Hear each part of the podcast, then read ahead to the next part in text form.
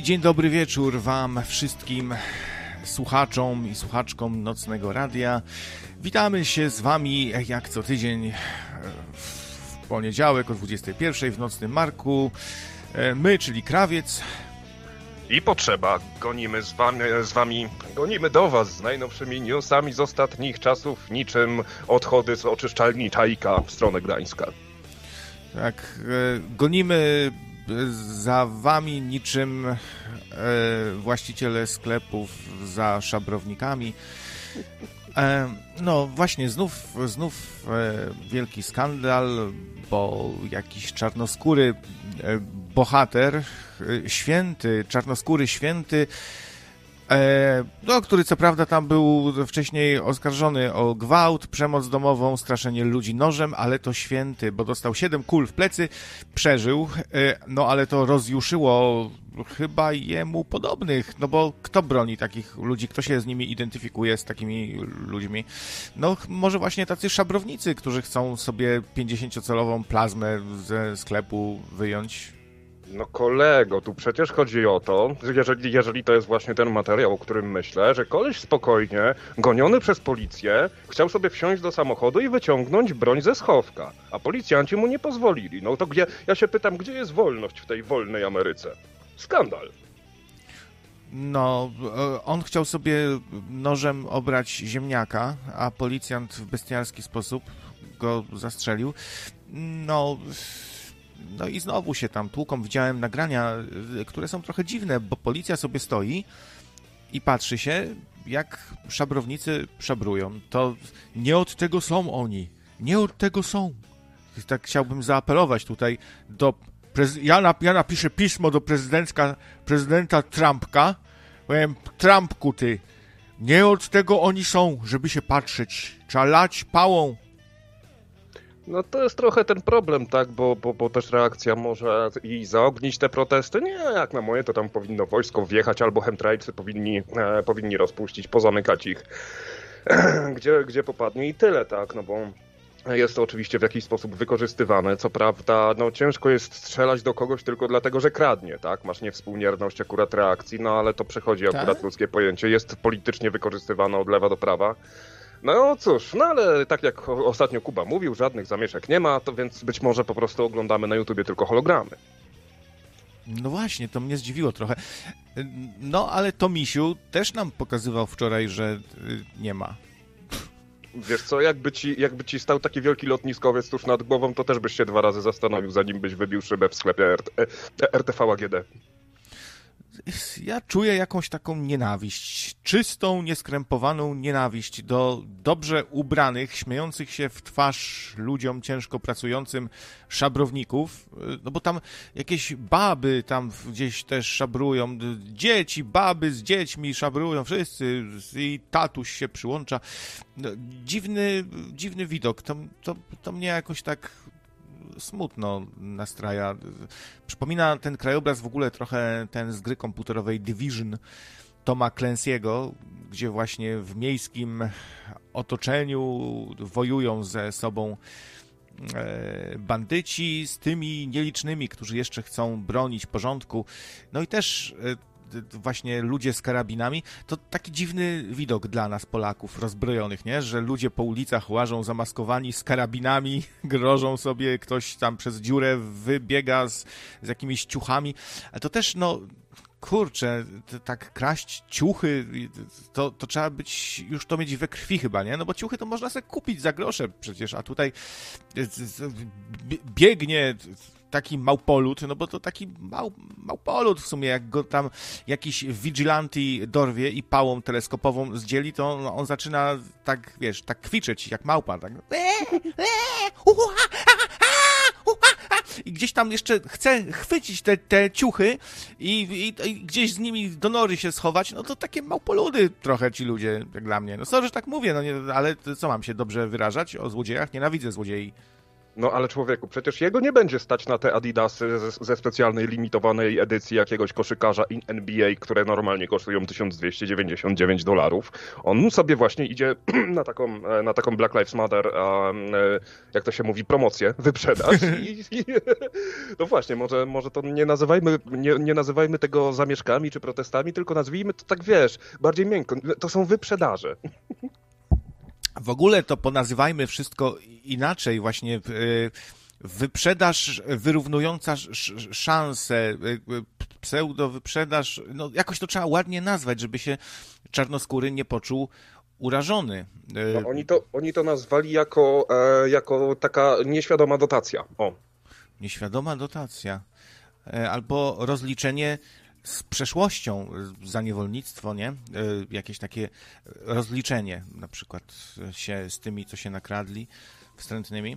A może są wśród nas tutaj tacy, którzy uważają, że to bardzo dobrze, że się okrada te, tych, te obrzydliwie bogate korporacje, wielkie jakieś sieciówki i tak dalej. Może są i tacy, nie? I oni teraz y, tacy smutni są i zaraz na, napiszą wstrętne radio nie będę słuchał, jak wam, jak wy możecie tak mówić, im się to po prostu należy, jak polskiemu posłowi premia. No tak, tylko że problem jest taki, że oni za bardzo nie patrzą, kogo rabują, tak? I tu też się jakiejś tam prywatnej, prywatnej piekarni, jakiegoś czarnoskórego kolesia dostało, a jakieś właśnie lokalne, lokalne sklepy. Nie, no po prostu idziesz, i, idą jak leci, walą jak w dym, także tutaj, tutaj absolutnie no, nie, ma, nie ma tu już czego bronić, tak? To może przez jakąś chwilę miało jakiś sens, może miało, miało jakąś konkretną, wiesz, ideę za sobą, a tak naprawdę jedyne, co teraz się dzieje, to będzie wzmagało ten rasizm, będzie dawało, wiesz, będzie dawało oliwy do, e, będzie dolewało oliwy do ognia tak naprawdę, bo ludzie jednak widzą, jednak widzą, e, jak to się dzieje i czy to będzie rasizm naukowy, czy to będzie tylko rasizm kulturowy, nie jest tutaj w tej chwili, nie jest tutaj to w tej chwili istotne, no ale, no nie wiem, wiem, no choćby po Białorusi mogliśmy zobaczyć, że można walczyć o e, prawa, można walczyć o wolność, jednocześnie nie robiąc rozpierduchy w sklepach. Bo chyba że, chyba, że w Mińsku sklepów po prostu nie ma, bo na to, przyznam, nie zwróciłem uwagi.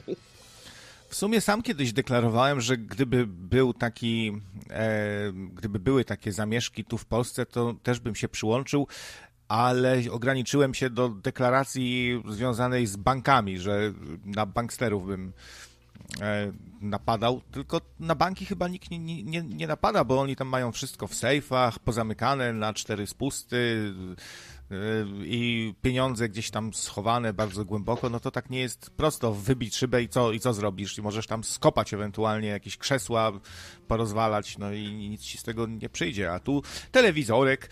Kurczę, to jeden taki szabrownik widziałem y, y, gdzieś na wózku sobie wiezie taki telewizorek, co mnie nie będzie stać, jak 10 lat będę odkładał. To, to trochę tak zazdrość bierze. Czemu mnie tam nie ma w tym takim piękne miejsce, piękny kraj. Można wybiec, roz rozwalić kamolem. Jak, jak, jak to coś w nas może drzemie e, takie zwierzę, które w ten sposób by.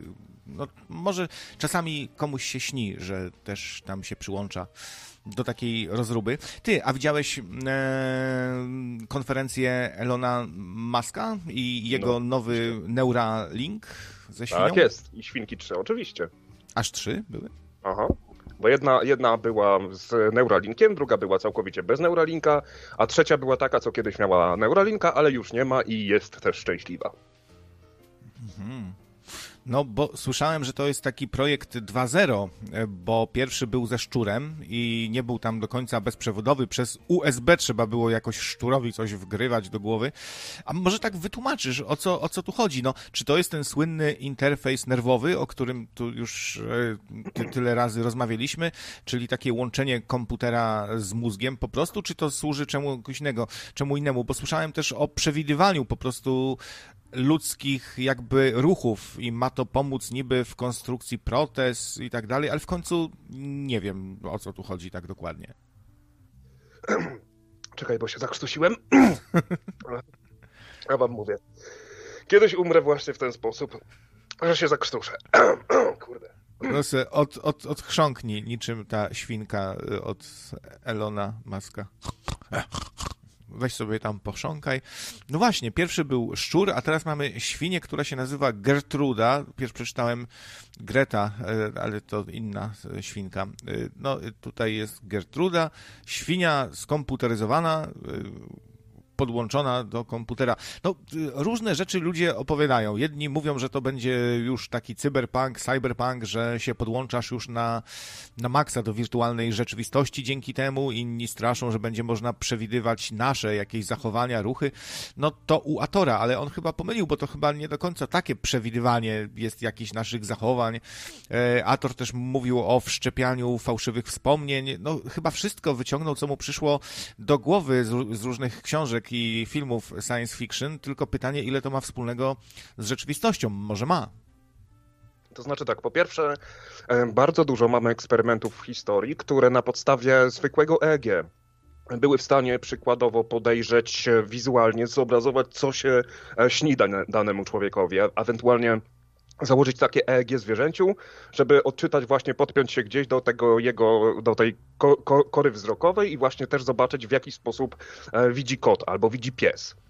Um, więc tutaj to przede wszystkim, co do, co do możliwych zastosowań, jest ich cholernie, cholernie dużo i tak naprawdę nie mamy za bardzo pomysłu, gdzie tutaj zacząć, tak? Bo to, co, to, co bardzo mi zapadło w pamięć podczas tej konferencji, to jest właśnie e, taka idea, że to, ten, ten interfejs, mózg się całkiem nieźle do tego interfejsu e, dostosowuje. I jak sobie tam wszczepisz gdzieś tam, nie wiem, nie trafisz, podłączysz nie do tych neuronów, to prędzej czy prędzej czy później te nowe połączenia neuronalne zostaną, wiesz, jakoś zainstalowane, wdrukowane i to będzie, mi się wydaje, coś na zasadzie kolejnego zmysłu, tylko takiego działającego, e, działającego w dwie strony. Bo oczywiście przed konferencją miałem wielkie nadzieje, że to będzie coś w stylu, że zakładasz sobie Neuralinka i nie wiem, i podpinasz sobie, podpinasz sobie modem Orange i masz dostęp do internetu, nie? I możesz sobie słuchać radyjka, e, mając tylko, wiesz, mając tylko małą antenkę z tyłu głowy, ewentualnie czytać sobie książki czy oglądać, e, oglądać Netflixa, tak? No nie idzie to zupełnie w tym kierunku, ale to, co zauważyliśmy, to jest właśnie odczytywanie na żywo informacji prosto z tego, e, prosto z tego EEG, z czego już od wielu, wielu lat możemy bardzo dużo różnych rzeczy wy, wyczytać. I tak samo jak moglibyśmy właśnie, czy to, czy to takiego no, Stephena Hawkinga, no teraz już trochę mniej byśmy mogli, ale właśnie podłączyć mu taki interfejs mózg-komputer, żeby nie musiał się męczyć, bo tam e, on sobie jednym paluszkiem tam miał taki, ta, takie piórko, którym wyklikiwał sobie poszczególne, poszczególne teksty do swojego komputera, który to potem przetwarzał na e, mowę. No tutaj moglibyśmy to zwyczajnie skrócić, bo zarówno maszyna musi się trochę nauczyć, ale też trochę się nauczyć musi nasz mózg, żeby, e, żeby z, tego, z tego korzystać. No i też no, takie nie tyle przewidywanie przyszłości, co raczej przewidywanie naszych e, bieżących intencji, tak? Właśnie jak e, był ten fragment, gdzie tam zaczęły, zaczęły przetworzyli fale mózgowe na dźwięki, No i świnka dostała, świnka dostała jeść, no i widać było, że tam jest jakaś pewna reakcja. No teoretycznie można odczytać, odczytać z tego, czy, czy to jej smakowało, czy była szczęśliwa, czy może stwierdziła, że już jadła e, w życiu lepsze rzeczy. No to jest bardzo duża droga. Natomiast tutaj jeszcze tak patrząc na, tę, e, na ten świński, na kwestię świńską, to mi się wydaje, że takim trochę nieoczekiwaną, taką nie, nieoczekiwaną możliwością będzie dużo większa szansa na porozumiewanie się ze zwierzętami. Ze względu na to, że mózgi wbrew pozorom mamy naprawdę cholernie podobne. Więc jeżeli pozbędziemy się problemów związanych z mową, tak, no to dużo lepiej będzie ci się dogadać, nie wiem, ze swoim kotem, psem, czy jeżeli to będzie, a, nie wiem, jakiś jockey, który, który, który, który się ściga na koniu, no to też będzie w stanie się bardziej z tym koniem, e, z tym koniem zintegrować. Jedna z największych rzeczy, która, na którą bardzo czekam, o czym niestety Elon Musk nie powiedział, ale również się, ale spodziewam się, że, a, spodziewam się, że też o tym myśli, jest to kwestia e, porzucenia języka mówionego do, do, jako formy komunikacji, ze względu na to, że nie jest to rzecz optymalna, że muszę sobie to przetłumaczyć myśl na język, język prze, przenieść e, głosem, to potem trafia do Twoich uszu, uszy konwertują to na falę dźwiękową, to jest dekodowane do języka i dopiero trafia do Ciebie moja myśl. To jest bardzo duża strata czasu, więc jesteśmy u progu czegoś dużego i bardzo najważniejsza rzecz, którą E, którą wyciągnąłem z tejże konferencji, to jest to, że właśnie nie obiecał Złotych Gór, że nie będzie tak, że będziesz sobie sterował samochodem przez myśli, czy samolotem, czy że właśnie będziesz miał sobie dostęp do internetu, tylko wiesz, wiecie co, no, odkryliśmy coś fajnego i szukamy ludzi, bo takie miałem wrażenie, że traf, trafili na taki garniec złota, jeżeli chodzi o możliwości, że teraz po prostu otwierają, otwierają rekrutację, zatrudnią tysiąc osób, jakichś właśnie neuroinżynierów, neurobiologów, psychologów, e, e, czy jakichś takich bardziej, bardziej e, e, jeżeli chodzi o kable i drobną elektronikę. E, więc myślę, że jesteśmy właśnie w punkcie, gdzie, no, no nie wiem, no może do testów na, na ludziach jeszcze, jeszcze trochę jest daleko. Mam nadzieję, że nie. Ale tylko ten Neuralink, jak wejdzie, dajmy na to, nie wiem, tak sobie rzucam, rzucam z sufitu, że niech wejdzie za 5 lat, to tak za 15-20 lat dopiero będziemy mieli, e, będziemy dopiero mieli, nie wiem, wykorzystanie choć trochę tego potencjału, tak? Że jest to technologia, która zrewolucjonizuje świat, ale to będzie bardzo pełzająca rewolucja. Albo nigdy, albo będzie Elon w nieskończoność dostawał jakieś dofinansowania i za 50 lat dalej będzie, zaprezentuje nam wersję 3.0 na pokazie jakimś. Może to, to dobry sposób na wyciąganie hajsu, na badania, na projekty. Znaczy wiesz co, tutaj akurat w jego biografii na ten temat czytałem i też była w, jest w naszym przepastnym archiwum Przerwa Techniczna o Ilonie Masku, gdzie z Weroniką rozmawiamy o, o właśnie jego, jego życiu.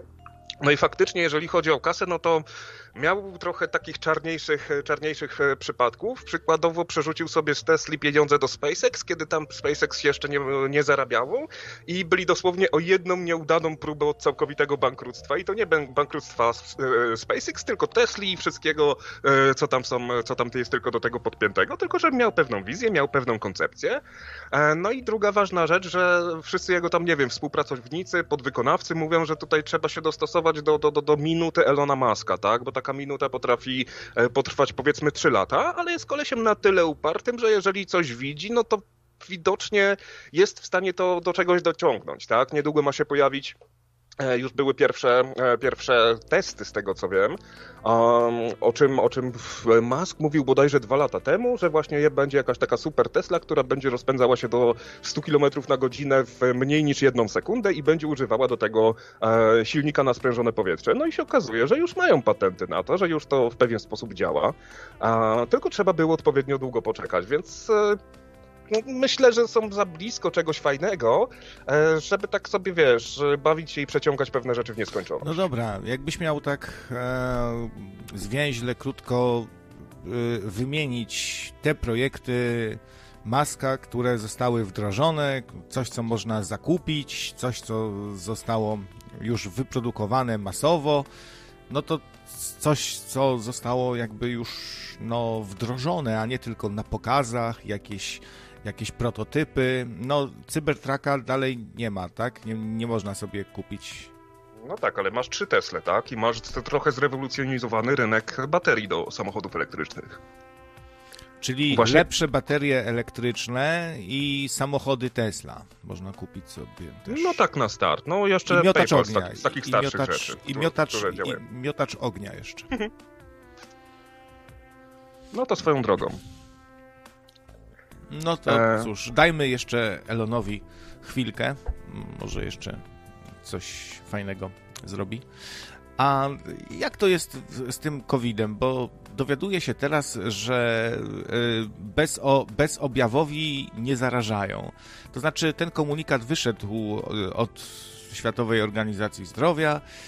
Mm, ekspertka e, Van Kerkhove pierw ta, wypuściła taką informację, teraz troszkę się z tego wycofuje, że zarażają, ale mniej.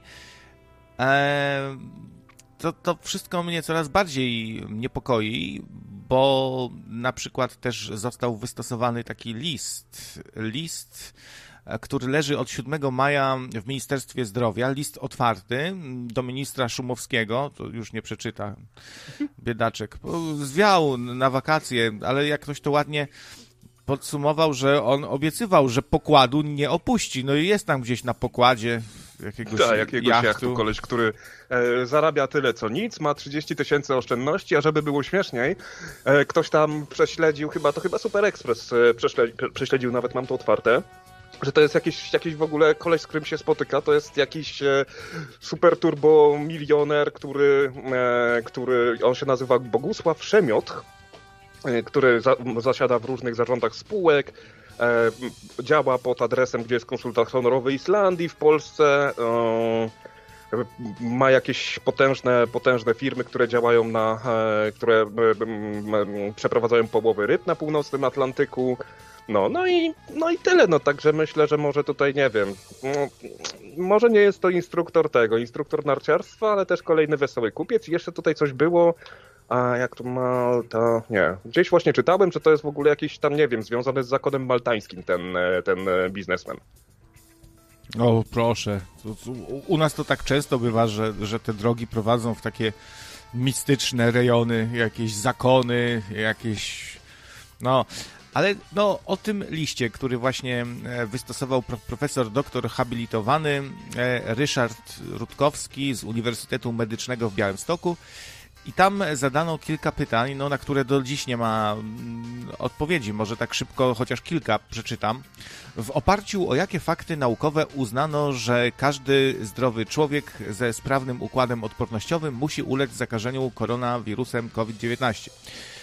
W oparciu o jakie fakty medyczne i epidemiologiczne uznano, że zdrowy człowiek musi być nosicielem, e, zarażać inne osoby? W oparciu o jakie wyniki polskich i lub zagranicznych badań naukowych przyjęto, że dzieci, które w olbrzymiej większości nie chorują, czy nie ulegają zakażeniu wirusem COVID-19 lub go błyskawicznie zwalczają, są nosicielami tego wirusa i stanowią zagrożenie e, zdrowotne dla otoczenia i swoich rodzin?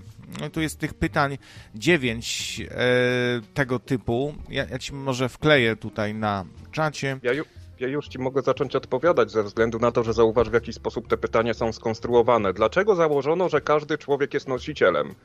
Otóż nie założono, że każdy człowiek jest nosicielem. Dlaczego założono, że każdy, każdy człowiek musi zarażać? Nie musi, tylko może. Tutaj, tutaj jest bardzo, bardzo, bardzo brzydka. E, no, każdy, każdy zdrowy człowiek ze sprawnym układem odpornościowym musi ulec zakażeniu koronawirusem. Bullshit, nikt nigdy tego nie twierdził. Nie każdy musi, tylko jest spora szansa, że może. E, uznano, że zdrowy człowiek musi być nosicielem. No nie musi, jeżeli będzie siedział na dupie, jeżeli będzie się izolował, no to nie będzie nosicielem, nie ma takiego obowiązku, tak? więc e, no oczywiście tutaj, jeżeli chodzi o działalność e, polityków, no to wyglądało to jak wyglądało. Przecież na samym początku zakazano importu e, środków ochrony osobistej, żeby właśnie tutaj potem triumfalnie przylecieć chińskim samolotem, znaczy się rosyjskim samolotem z Chin. E, w momencie, kiedy było, było 100 zakażeń dziennie, czy tam 100 zakażeń wszystkich, pozamykano lasy, co też było kretyństwem z tymi obostrzeniami. E, no, a w momencie, kiedy przyszły, zaczęły się zbliżać wybory, no to ten wirus już był w odwodzie i teraz znowu mamy e, kolejne sobie rekordy, bijemy. Dlaczego w mediach rządowych brakuje rzetelnych informacji naukowych? Bo to są media rządowe, tam rzetelność jest, no właśnie. No wiesz. Ja, ja tu czytam tą też wypowiedź tej ekspertki Van Kerkhoff z, WHO. Ona pisze, mamy wiele y, raportów z krajów, y, które przeprowadzają bardzo szczegółowe śledzenie kontaktów. Śledzą przypadki bezobjawowe i ich, i ich kontakty i nie znajdują dalszych y, transmisji. E, ciągle też przy, przyglądamy się danym i staramy się uzyskać więcej informacji z innych krajów. Na ten moment wydaje się, że osoby bezobjawowe rzadko przekazują wirusa dalej. No to przepraszam, po takim czasie mamy cały czas wypowiedzi, że wy, wydaje się i na ten moment. E, no czy, tak. czy ktoś w ogóle, bo, bo to są właśnie też pytania w tym liście, dlaczego w mediach rządowych brakuje rzetelnych informacji naukowych na temat COVID-19 oraz e, nie informuje się osób mających problemy zdrowotne, że nie muszą chodzić e, w maseczkach i policja nie ma najmniejszego prawa, aby straszyć ich mandatami. E, znaczy, no, ja też tak nie zauważam za bardzo jakichś tam e, pu publikacji, jakichś wyników badań. Tu słyszę, że być może na dzień dzisiejszy wydaje się, czy to nie jest zbyt lekce, lek, lekkie sobie ważenie tak ważnych kwestii, przez które się ludziom zamyka interesy i gospodarka jest w ogóle zrujnowana w dużej części przez to wszystko i ludzie są wystraszeni i tak dalej. Nie wiadomo, czy dzieci mają iść do szkoły, czy mają nie iść. No to, to, to, to chyba powinniśmy coś więcej wiedzieć, jakieś badania mieć, jakieś publikacje ciekawe, a nie takie, takie nic. Nie no, badań mamy całkiem sporo, tylko pamiętaj, że jednak nie, nie mieliśmy aż tak dużo czasu żeby przeprowadzić, żeby przeprowadzić jakieś badania, tak? Od odnalezienia nowego, nowej choroby do znalezienia metody leczenia, to potrafiły nawet upłynąć to we współczesnej medycynie wiele, wiele lat, tak? Także tutaj inwestycje jak najbardziej są porobione, tylko problem też się pojawia taki, że jeżeli w pewnym momencie, momencie powiesz coś zbyt pewnie, że coś jest właśnie, wiesz, że coś jest, no, twoja wypowiedź nie zostanie odebrana tak, jak, jak, zostanie, jak powinna zostać i potem będą ci właśnie e, wypominać, tak? Tak jak, tak jak właśnie Szumowski w lutym mówił, że e, maseczek nie ma co nosić, bo nie mamy za dużo zakażeń i te maseczki, maseczki nie chronią przed zarażeniem, a potem stwierdził, że słuchajcie, tak, te maseczki są potrzebne, bo już się to rozlało po całym kraju, że ten wirus może być wszędzie. Wobec czego e, w dalszym ciągu one nie chronią przed zarażeniem się, ale ochronią trochę przed, e, przed zarażeniem e, innych, tak? No i tutaj też, też czytam sobie te, tę listę i skąd godna podziwu, jaskrawo sprzeczna z powszechną wiedzą medyczną wiara kardiologa, że przewlekłe wielogodzinne noszenie maseczek w przestrzeni publicznej oraz miejscu pracy nie spowoduje i tam różnych, różnych pierdół. No przecież mamy górników, mamy ludzi, którzy pracują w hutach, mamy lekarzy, pielęgniarki, którzy chodzą cały czas w maseczkach, tak? Tak? Co więcej, teraz przecież mamy w tych zakaźnych ludzi, którzy mają te trójwarstwowe kombinezony i wszystkie możliwe inne formy zabezpieczeń, no i jakoś nikt nie dostaje jakiejś urojonej grzybicy. Um, co do, co do tego, że ludzie którzy, ludzie, którzy tam na coś chorują, że nie powinni, że, że nie powinni nosić maseczek, ani nie powinni, a, no, ani nikt ich nie powinien straszyć. No to widzieliśmy, co się działo parę miesięcy temu, gdzie najpierw w ustawie zaznaczono, że słuchajcie, noście maseczki, chyba że ktoś bardzo jest bardzo chory, to wtedy nie musi, ok? Nie trzeba nawet zaświadczenia i co? I ludzie sobie wymyślali jakieś urojone grzybice, sobie wymyślali jakieś różne pierdoloty, po to, żeby się czuć wyjątkowy, bo nikt nie będzie mnie zmuszał do tego hurdur kaga kagańca, tak? A Wiesz co, czego się... ludzie, no. ludzie tego nadużywali, więc trzeba było zmienić podstawę prawną.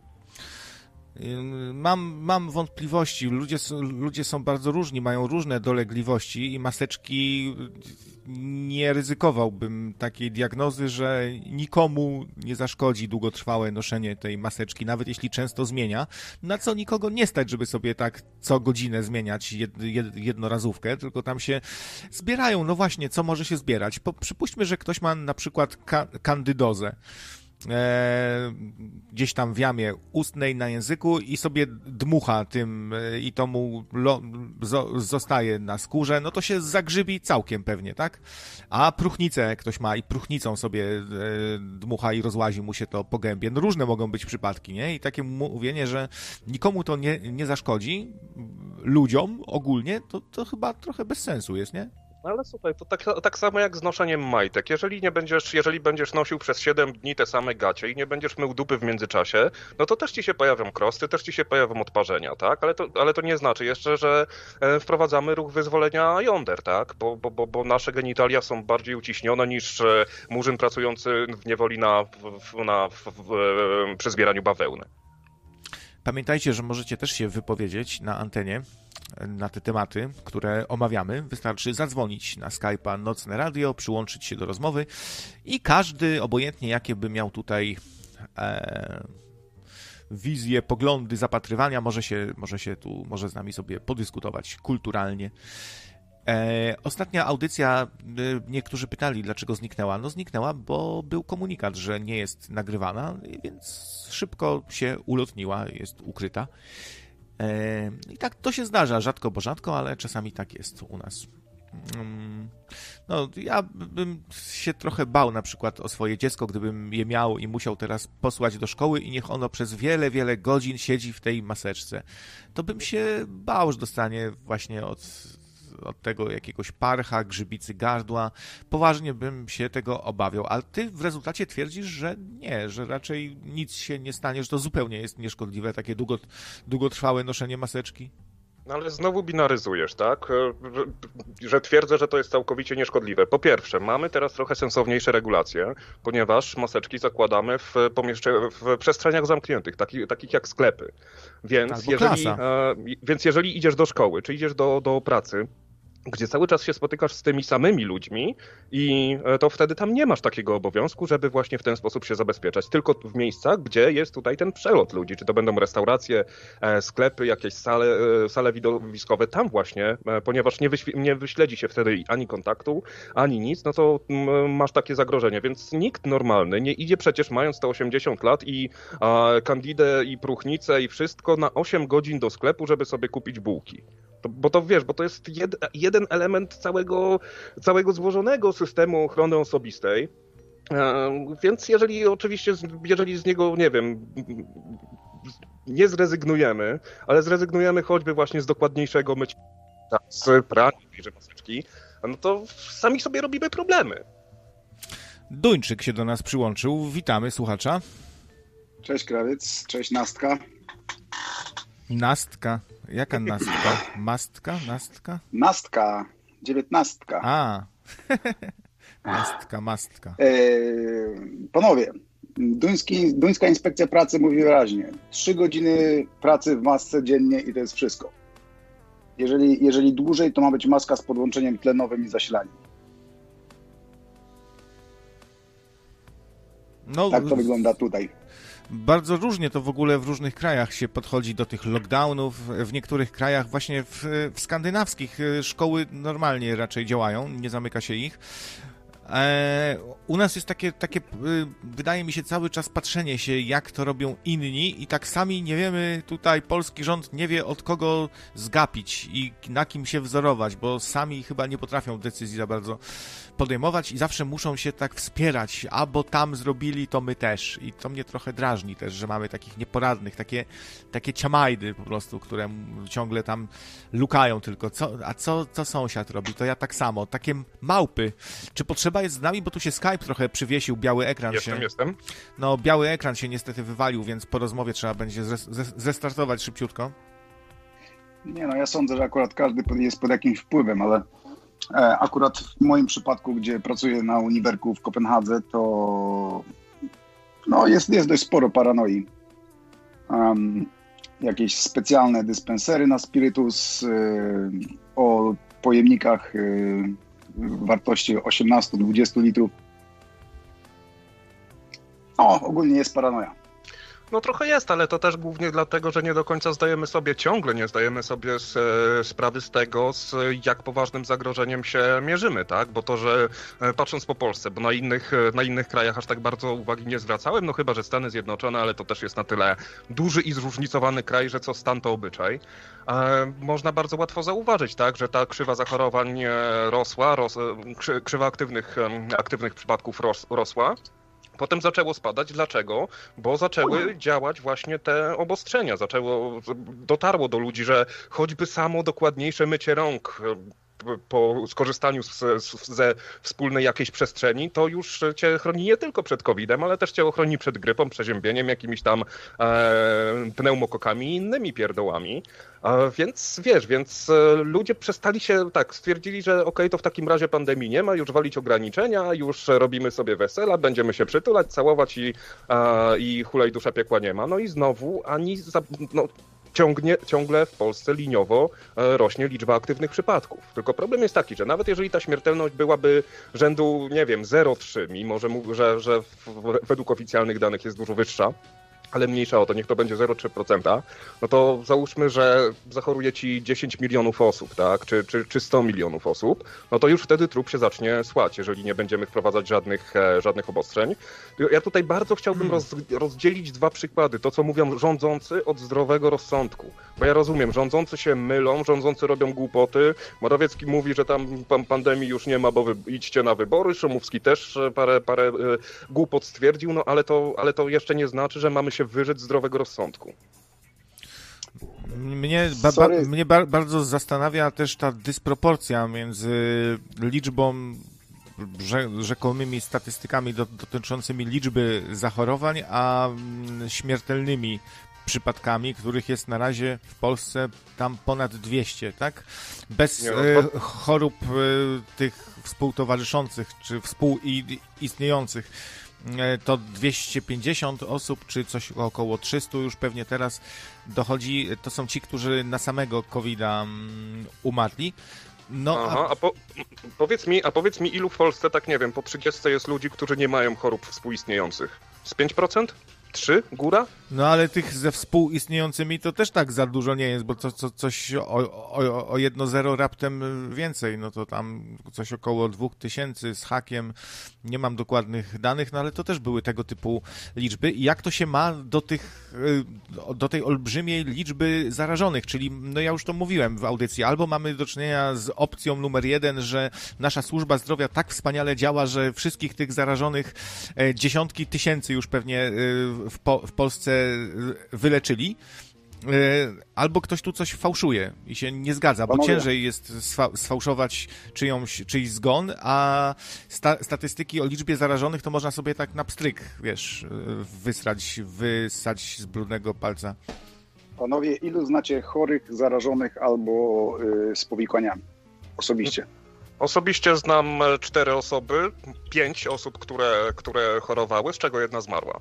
Ale to nie, ale to, to, to, to nie lubię tego argumentu, bo nie znam nikogo, kto by wszedł na Mount Everest, ale to, to jeszcze nie, nie jest podstawa do tego, żebym wątpił, czy Mount Everest istnieje. Nie, no oczywiście, że nie.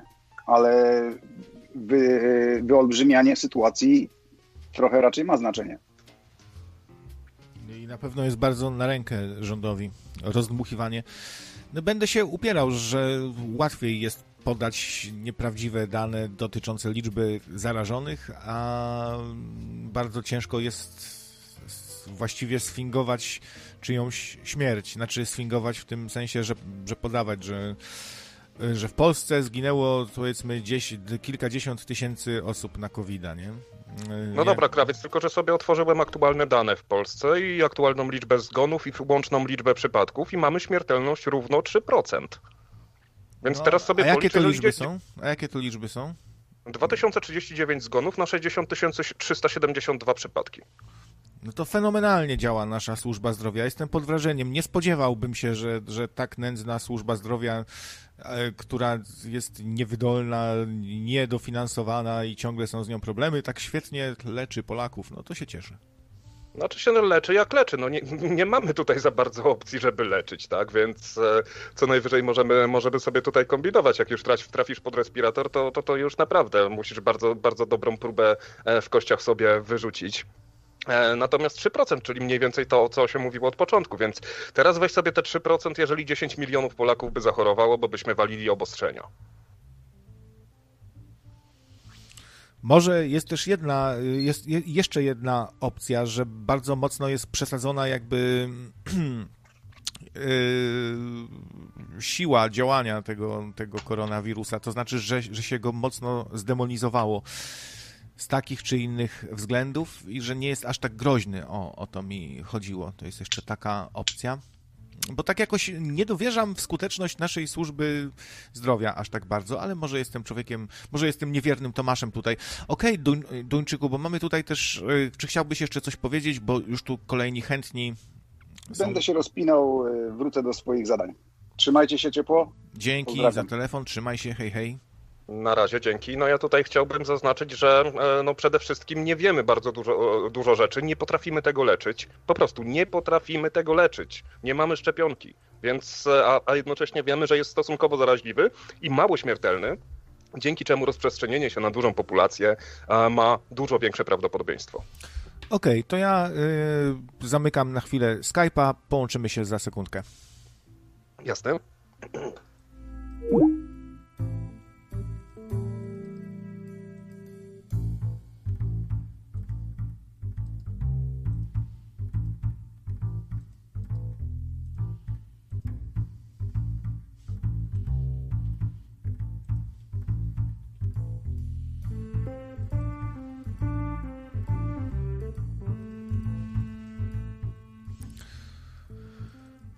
Chwilę wcześniej pró próbowali się dodzwonić Etam i Furiat. E, Furiat był pierwszy, ale na początek się połączę jeszcze z potrzebą.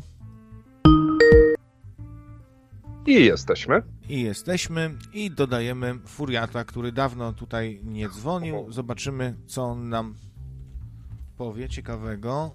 Eee, momencik. Dobra, dzwonimy do Furiata.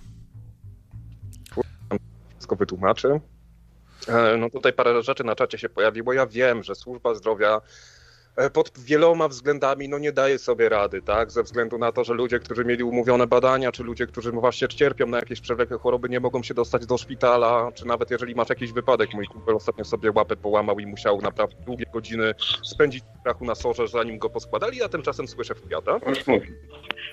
Dobra. Witamy. Jak chcecie jedną rzecz powiedzieć, że faktycznie, no jeżeli Boga nie ma, to wszystko jest mimo wszystko dozwolone. Pamiętaj o tym, jeżeli naprawdę Boga nie ma, to wszystko dokładnie jest wolne. To jest mój syn obok tutaj. I to wszystko będzie cudownie zrobione. Jeżeli Boga nie ma, to, to wszystko będzie Trochę kiepskie połączenie mamy i, i nie za bardzo się da zrozumieć, tak piątek 60. To się Bóg... Czy ja prawdę powiedziałem? Doktorze Bromberg, doktorze Bromberg, powtarzam, że, że w życiu nie wolno przekraczać miłości Bożej, bo wszystko poleci i przeleci. I któregoś dnia, przepraszam, że to powiem, bo ja tego nigdy nie mówię, ale posramy się wszyscy. To jest straszne, co powiedziałem, ale tak będzie. Nie chodzi mi o głupiego Jackowskiego, nie chodzi mi o wróżbitów. Chodzi mi o jedną rzecz, że wszyscy sprowadzamy się do tak zwanego no, to co leci tam z Warszawy, drogi kolego. Serdecznie pozdrawiam, a, a powiadam krótko. Pan mój, Bóg mój. A reszta to wiesz o co chodzi. Hej, bracie mój. Dziękujemy bardzo za telefon. Na razie. E, Furiatowi i jego tacie. Okej. Jak, jak, jak by pan to skomentował, panie redaktorze, ten wspaniały telefon? O, chyba się... O, w, w, przepraszam, niechcący, roz, ro, niechcący rozłączyłem. No właśnie, nie wiem za bardzo jak skomentować ten ciekawy telefon. No, A to się tak, nie chce mi się tego za bardzo komentować, bo już tyle razy to słyszałem, tyle razy już na to odpowiadałem, że ja tam Boga nie potrzebuję, żeby wiedzieć, co jest dobre czy złe i uważam się za dobrego człowieka, który nie potrzebuje ani książki, ani dziadka na chmurce, żeby mi mówił, jak mam postępować. Istnieje coś takiego jak prawo naturalne. Moim podstawowym, przy, moim pod- podstawowym przykazaniem jest nie bądź chujem, a jeżeli już jesteś, to potem przynajmniej uczciwie zno- znoś tego konsekwencje. I tyle, tak? Nie wiem, tyle, nie, naprawdę nie chce mi się, bo to jest taki argument ge- generyczny, że no bez, Bo- bez Boga wszystko jest dozwolone. No jest dozwolone, tylko że potem ponosisz konsekwencje, tak? Mhm. No, bez Boga ni do proga. No, może nie do końca w temacie to było, ale dziękujemy też za taki Boży głos. No, a teraz spróbuję y, dołączyć Etama, który też chciał coś powiedzieć. No ale y, czuło się tak, takie pokrewieństwo właśnie y, dusz między Furiatem a tatą, tro, troszkę też.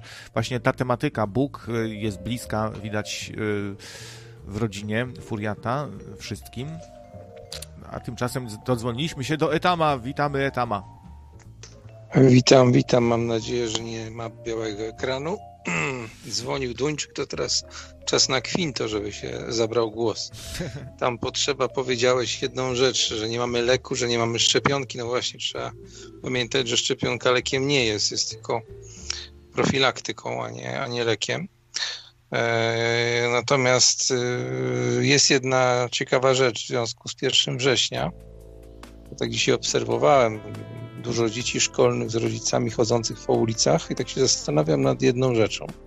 Kiedy odwoływano szkołę, mniej więcej pamiętam kiedy to było, to tych y, potwierdzonych y, zarażonych było tam, nie wiem, 3000 czy 2000 na całą Polskę. Teraz jest 60 tysięcy, z czego duża część uleczona. I dzieciaki idą do szkoły. W Szczecińskim, czyli obecnie zachodniopomorskim, bez masek żadnych, także Także nie ma tutaj y, maskowej maskarady dzieciaków, natomiast y, idą do szkoły normalnie, nie?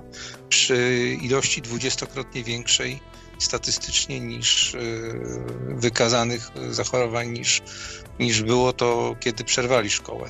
Czy to, czy to jest jaka, jaka w tym jest w ogóle logika? Nie? No ale tutaj, tak jak, tak jak mówiłem, musimy oddzielić decyzje polityczne od e, decyzji medycznych, bo jeżeli chodzi o szkołę, to mieliśmy całe wakacje, żeby przygotować kursy, jakieś platformy online, żeby przeszkolić nauczycieli, żeby już się nie, nie musieli męczyć z Zoomami i Discordami, bo to wiesz, bo to nagle, dosłownie z dnia na dzień przeszliśmy na tryb edukacji zdalnej, która wbrew pozorom całkiem nieźle potrafi działać. Ja sam zawodowo spędziłem parę ładnych lat e, w e-learningu i to naprawdę e, działa na niezłym poziomie, zarówno, zarówno przy szkoleniu zdalnym, od, od e, dzieci do lekarzy, tylko trzeba umieć to robić, nie? Więc mieliśmy bardzo dużo czasu, no i co się okazuje, w zeszłym tygodniu minister edukacji się obudził, no i powiedział, to w sobie, e, to, to w sobie rób ta co chce, a niech sobie dyrektor za, zadecyduje, jak to powinno wyglądać. Ja wam tutaj przedstawię jakieś tam dwa pomysły, że można albo zdalnie, albo niezdalnie, albo mieszanie, dziękuję, dobranoc.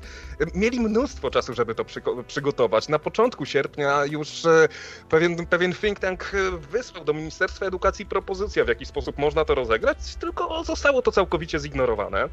No i wiesz, no i to może być, y, może nam się odbić trochę czkawką, no bo ja sobie nie wyobrażam, żeby dziecko, które tam, nie wiem, ma 7 lat, chodzi do tej podstawówki, żeby oni się nie, nie zaczęli ganiać w covidowego berka, bo dzieci takie są. Nie, nie jesteś w stanie im powiedzieć, że nie możesz pożyczyć koledze zeszytu albo długopisu.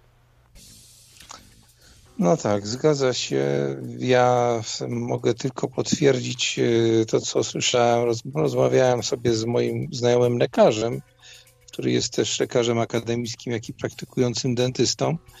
No i on mi powiedział, że dla niego to wygląda coś mniej więcej w ten sposób, że dzisiaj dopuszczają dzieciaki do szkoły po to, żeby w październiku powiedzieć, że to był błąd i przyjść, przejść znowu na zdalny system i znowu będziemy mieli te tak zwane obostrzenia, które nie mają podparcia w prawie, bo są całkowicie nielegalne. Zresztą są już orzeczenia sądów w tej sprawie, tylko że polskie prawo niestety nie jest prezydensowym i, i nie możemy się na tym opierać.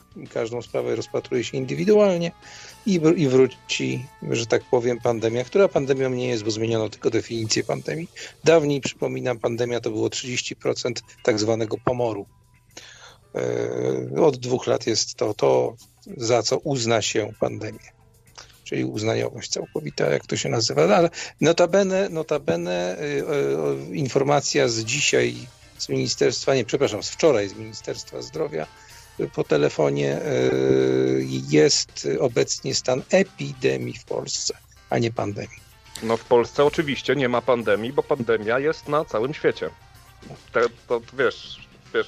Znaczy według, y, tak, według uznaniowości WHO, bo WHO obecnie ma przepis, który mówi, że to ono uznaje, co to jest, czy to jest pandemia, epidemia, czy jej nie ma wcale, tak, to jest na tej zasadzie. No, natomiast no, fajnie by było, gdyby jednak to się okazało, że ten wirus się rzeczywiście osłabia, bo też takie są głosy. E, bo niewątpliwie wirus, koronawirus istnieje i istnieje od bardzo dawna, natomiast jaki patogen przenosi, to już jest inna sprawa.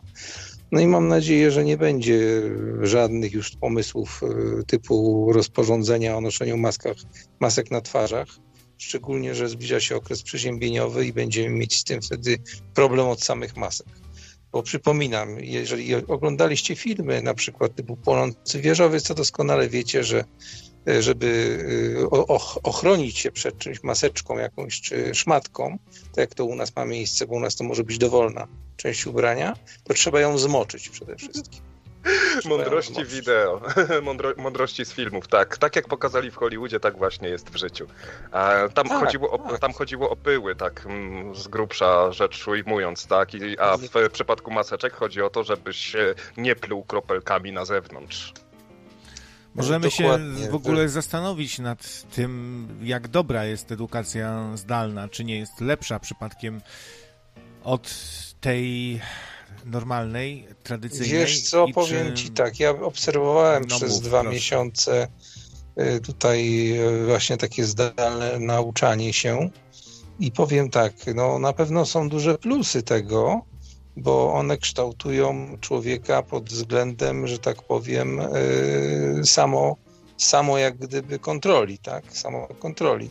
Natomiast widząc, ile było problemów e, z tym, e, że właściwie to każdy nauczyciel tam swoją platformę wymyślał, bo, bo jednej osobie nie chodziło o to, drugiej tamto. Poza tym weźmy pod uwagę jedną rzecz, że nie każde dziecko musi być przystosowane, mieć kamerę, mikrofon i komputer z internetem, tak? To nie jest przymus, żeby coś takiego mieć, tak?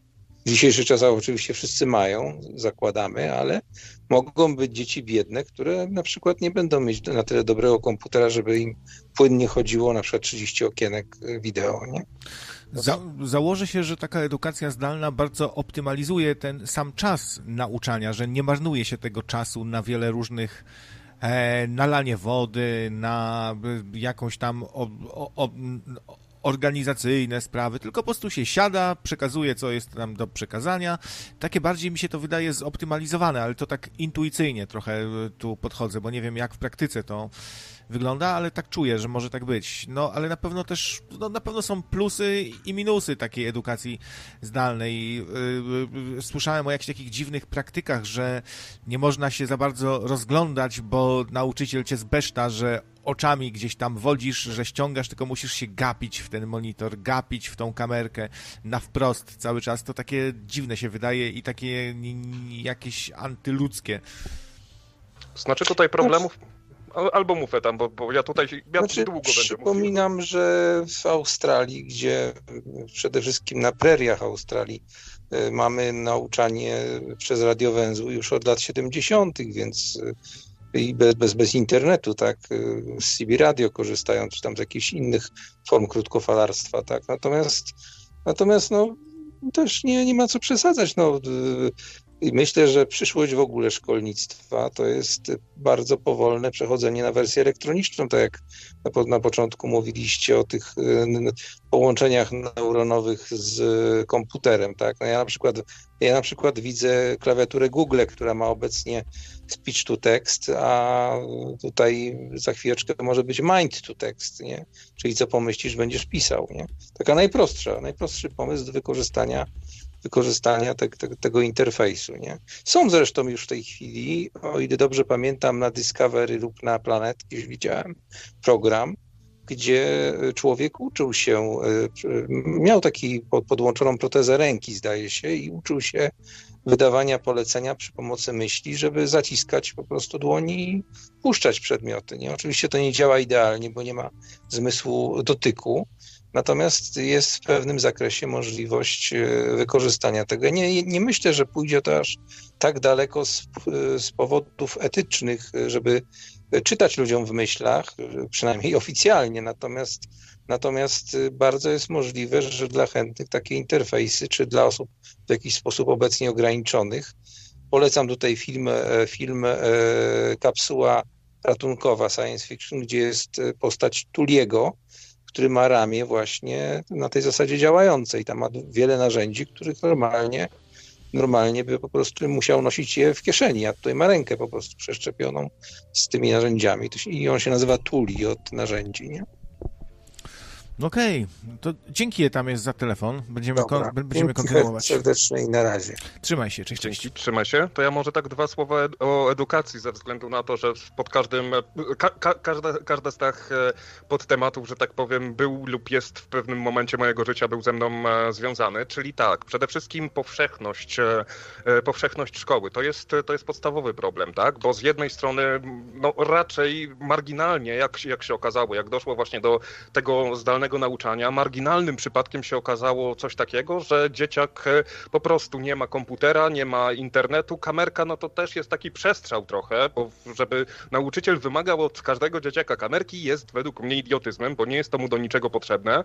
Wystarczy, że będzie tam, nie wiem, wykazywał jakąś aktywność, nie wiem, jakiś czuwak sobie naciśnie co parę, co parę minut, żeby było wiadomo, że jest jeszcze na tej lekcji. Dlatego fajnie by było nauczycielom powiedzieć, co jest sensowne w tejże edukacji, a co sensowne w tej edukacji zdalnej, zdalnej nie jest. Największy problem, który się. E, jeszcze jedno, jeszcze jedna rzecz bardziej właśnie się okazało, że to w bogatych rodzinach, w dużych miastach jest z tym problem, bo mama przeszła na, na zdalną pracę, tata przeszedł na zdalną pracę, no i się nagle okazuje, że ani internet nie wyrabia i komputery czy tam tablety się skończyły i już tu się zaczyna problem, tak? Bo też masz, e, nie wiem, dziecko w wieku przedszkolnym, które wymaga jeszcze dodatkowej uwagi i też miało zdalne, zdalne zajęcia w pewien, w pewien sposób, jakieś zadania przydzielane. Bardzo duży problem, który dotyczył największej części, jeżeli chodzi o problemy związane w Polsce z przejściem na zdalną edukację, to jest to, że mnóstwo dzieciaków zwyczajnie zniknęło. Przez wiele tygodni nie było wiadome, co e, się z nimi dzieje.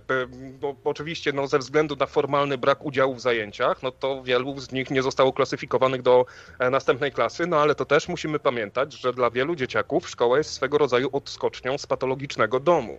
I, z, I o ile w takich sytuacjach, gdy, gdy ten dzieciak się pojawiał te pięć razy w tygodniu, no to nauczyciel mógł zauważyć, czy to po zachowaniu, czy to po jakichś bliznach, czy czymś, że coś tutaj dzieje się nie tak, aż tu nagle wiesz, aż tu nagle cała rzesza dzieciaków zniknęła kompletnie i nie wiadomo do dzisiaj, co do e, niektórych, co się, e, co się z nimi dzieje, tak? Więc tutaj e, straciliśmy sporo. No, brak też pewnego systemu edukacji po nowemu, tylko rób ta co chce ta, co się oczywiście przełożyło na fatalne wyniki matur, co konsekwentnie przekłada się na to, że dzieci, które, były w, które chodziły do szkoły w roku 2020, jako dorośli ludzie będą mieli poważne braki w, jakimś, w jakichś elementach edukacji.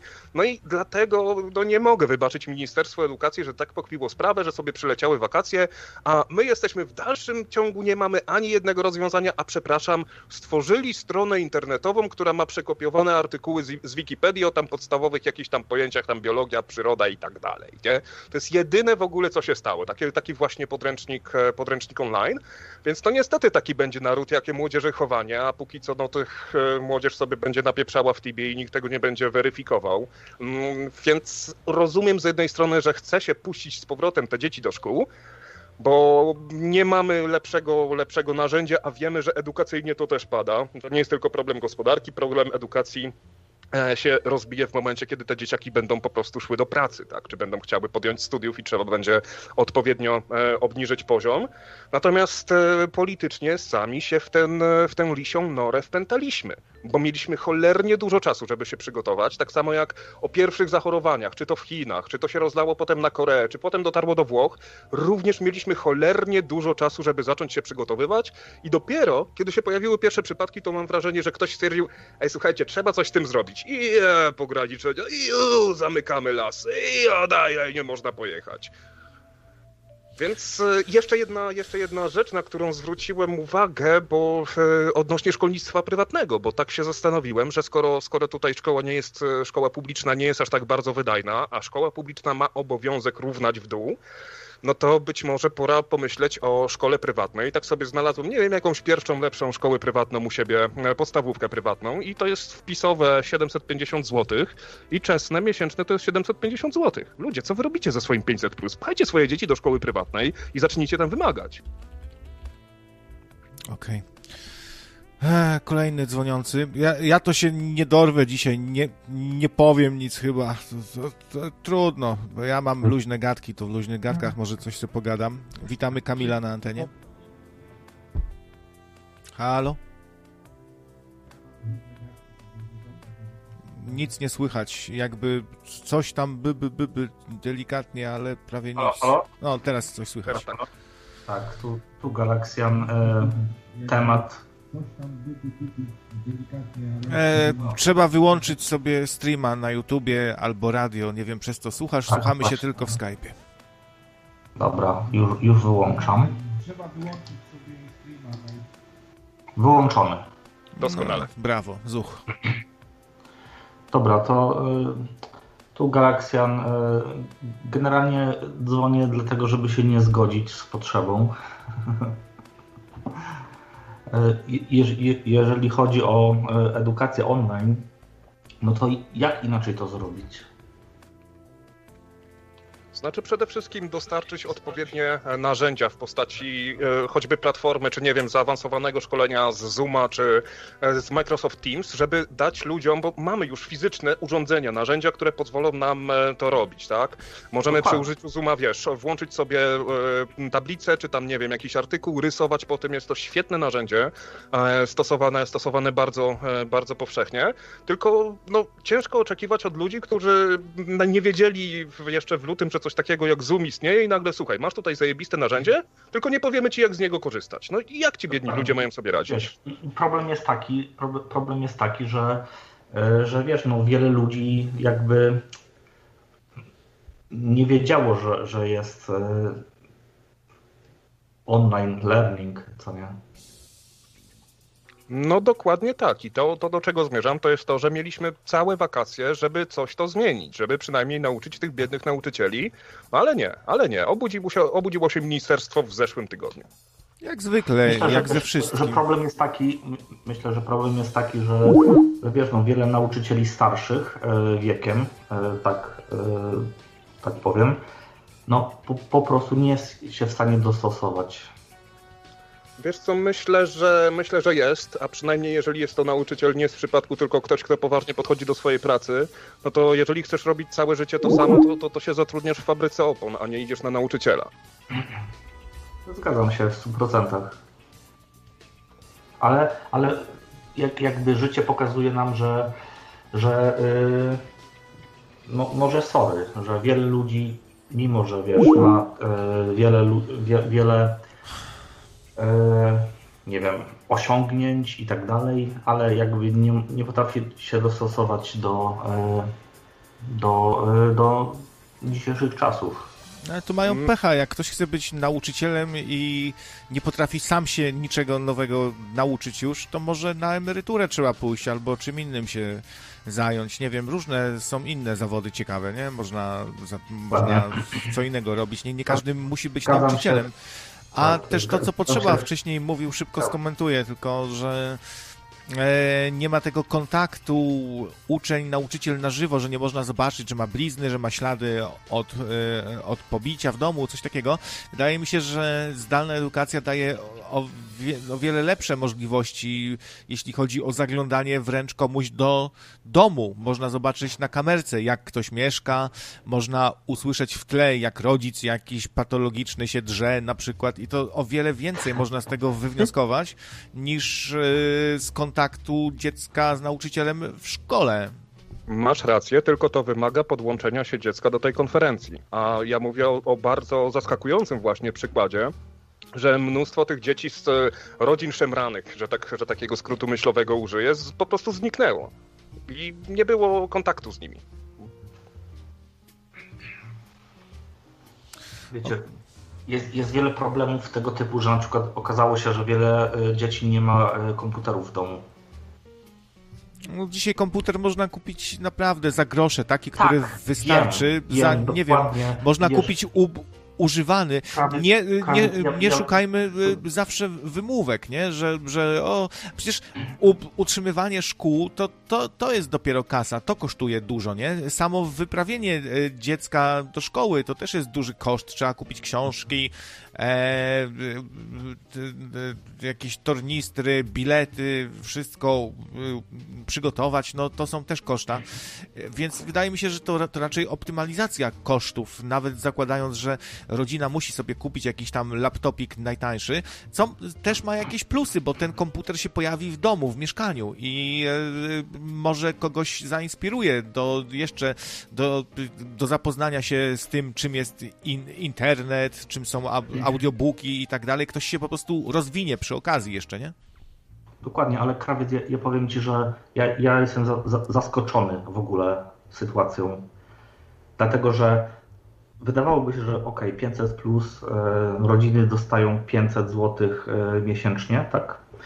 E, I okazuje się, że wiesz, że te rodziny mają na to, żeby tam matka paznokcie sobie robiła co, co dwa tygodnie i, i inne rzeczy tego typu, ale nie ma na to, żeby dziecku laptopa kupić.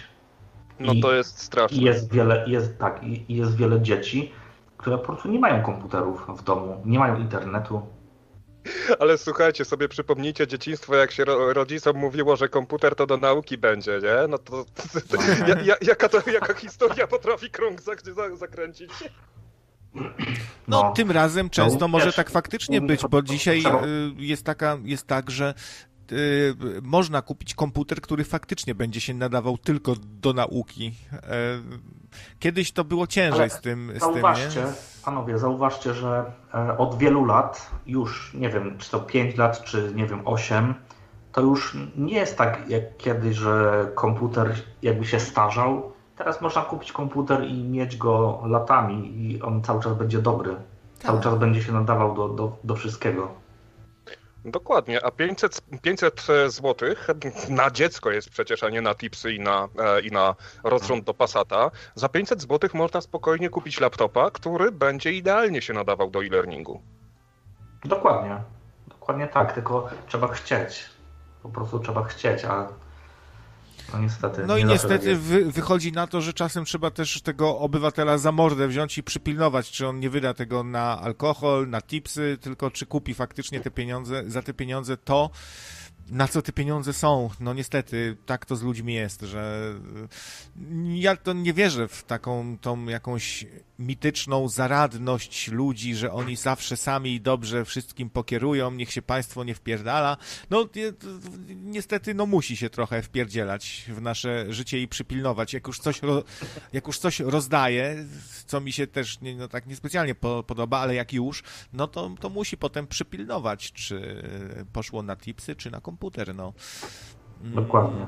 No. Dokładnie tak. I i ja przytaczam ten właśnie przykład tipsów, bo to, to jakby bardzo mi w oczy, jak, jakby bardzo mi daje w oczy. No dobra. Naprawdę. Bo, bo naprawdę ludzie potrafią przepieprzyć te pieniądze od państwa na, e, na zupełne głupoty, ale dziecko, ale, ale e, nie będą, jakby nie zadbają o dziecko a mogliby. No, Tutaj na początku sierpnia pojawiła się taka, można powiedzieć, plotka, ale gdzieś tam właśnie z kręgów rządowych, że program 500 Plus zostanie zmieniony, że będzie to wypłacane w formie bonów. I nie będziesz sobie mógł właśnie kupić tego rozrządu do Passata za te 500 zł, tylko będziesz mógł je wydać czy to w księgarni, czy to właśnie kupić, e, kupić dzieciakowi komputer, czy jeżeli ubrania, no to tylko, tylko dziecięce. Jaki kwik się od razu podniósł, że po paru dniach od tej plotki, no to ta e, pa, pa, pani Emilewicz bodajże ona się nazywa, wyszła w konferencji, nie, wcale nie ma takich planów, bo tak wiecie, czasami tak robią, że puszczają jakąś plotkę, żeby zobaczyć, jak społeczeństwo zareaguje. Jaki kwik się zrobił, to klękajcie narody. Ale to, to jest tak samo jak e, te bony EBT w Ameryce, w Stanach Zjednoczonych. To tak samo, to niby, niby są te bony, które są tam na jedzenie, na alkohol też nie można wydać, ale i tak jak ktoś chce, to sprzeda kumplowi tam z domu obok i sobie kupi alko za to, więc. No to przecież. To, to, to, to jest jakby regulacja e, sztuczna, która nie będzie działać. To nie da się. To oczywiście w, jaki, w jaki tam sposób będzie, ale, ale, e, ale w praktyce to niekoniecznie zadziała. No też w ogóle wspomnimy, że taki przeciętny wyborca PiSu to on zawsze mówi, że on dostał te pieniądze od PiSu. Y, on nie, on nie patrzy na to, że on je dostał od innych obywateli, tylko on dostał je od, y, od PiSu. W nagrodę, że zagłosował na PiS, to dostał od PiSu i mu się to...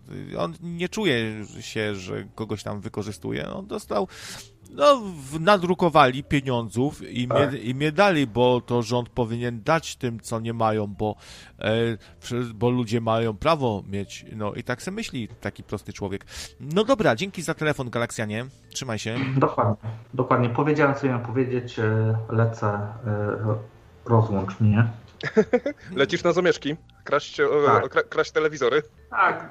Jeszcze jestem, wiesz, jeszcze jestem na, na etapie e, jedzenia hamburgera, ale wiecie, wiecie, wiecie jak to w Ameryce jest. W Ameryce, no to w ciągu dnia tam jemy hamburgery, potem, e, potem jeździmy pick-upami, a wieczorami się strzelamy z policją, więc e, muszę się przygotować. Na razie. No to nie daj No, się tam, cześć. nie daj się tam zastrzelić. Trzymaj się, cześć, cześć. A Polacy mogli tylko po maturze chodzić do cukierni na kremówki. Dołączamy Kunrada. Kunrad chciał się powiedzieć. O Jezu. O Jezu, no. No właśnie tutaj jeszcze, jeszcze czekając na Kunrada w, w, wetknę, że przecież pojawił się bon turystyczny, gdzie Polacy bardzo szybko e, wynaleźli metodę na obejście tego e, bonu, że robisz rezerwację, po czym płacisz bonem, po czym ją odwołujesz i prawo już nie mówi, czy to ma być zwrot na konto tego bonu, bo możesz wtedy dostać zwrot gotówki i nie trzeba handlować, żeby odzyskać sobie idealnie, idealnie co do grosza, tylko dobrze się właśnie e, dogadać z danym, z danym hotelem. No, ale wydaje mi się, że jednak przejście na bony przynajmniej odsiało, niechby nawet połowę odsiało tej patologii, no to już przynajmniej będzie połowa do przodu. Czołem Jezu, aloha. E, Aloha, drodzy e, nocnicy i prowadzący i słuchacze. Chciałem tutaj kij w mrowisko moim zwyczajem włożyć i z, z grubej rury e, w stylu troszkę etama walnąć w cały ten spisek. Także będzie o, o teoriach spiskowych i, i rzeczach niewyjaśnionych, jakbyście chcieli. No chcielibyśmy, tylko, tylko e, pamiętajmy, że Nocny Marek to jest taka audycja, mm, która ma sztywne ramy czasowe, więc prosimy O, o w miarę krótką mam. wypowiedź. trzy, trzy tematy, y, więc tak. Y, Słabo pamiętam ze studiów medycznych, ale gdzieś takie dane pamiętam, że za dobrych czasów co roku rodziło się chyba 600 tysięcy ludzi w Polsce, 600 tysięcy dzieci. W związku z tym zgaduję, że żeby był zbilansowany jakiś model demograficzny, no to wnioskuję, że co tego nie sprawdziłem, więc zgaduję. E, Co roku mniej więcej w takiej statystycznej Polsce powinno umierać około 600 tysięcy. No weźmy sobie te 500 tysięcy do 400 tysięcy ludzi rocznie, tak? Powinno umierać. Czyli tutaj zrobiłem obliczenia, że jeżeli przyjmiemy jakieś 38 milionów w Polsce, to to 1% to by było 38, e, 380 tysięcy ludzi, czyli co roku powinno w Polsce umierać około, nie wiem, 1%, 1,5%, 2% ludzi, tak? I jeżeli śmiertelność, czyli rozumiem, że ilość y, ludzi, y, którzy umierają, y, a byli zakażeni, czyli procent od zakażonych, a nie od całej populacji, to jest 3%, no to cała, powiedzmy, reakcja na, na straszliwą zarazę COVID powinna być mniej więcej taka, że y, no to dobra, no to umierają te 3% i jedziemy dalej od przyszłego roku. Gospodarka będzie nie, nienaruszona, no paru tam starszych dyrektorów umrze, paru starszych profesorów jakiejś uczelni by umarło, sporo by umarło w domach e, z tak zwanej spokojnej starości i tyle. Śmiertelność wśród dzieci i młodzieży wynosi zero. Tak? Zero. Czyli całe nowe, młode pokolenie by wyszło po roku z tej zarazy nietknięte w ogóle. Prawie, prze, przesadzam, na, można tam jakieś pojedyncze dzieci, młodzież, który tam miał wadę to do- nerek i umarł, coś, no, pomijamy szczegóły. I po prostu gospodarka, y, jak, to, ja- jak niektórzy wolnościowcy mówią, własność prywatna, święta i tak dalej, gospodarka durniu, mówił jeden z prezydentów Ameryki, wyszłaby uderzona y, tą y, epidemią, ale straciłaby może pół procenta, procent, a nie 30%, tak?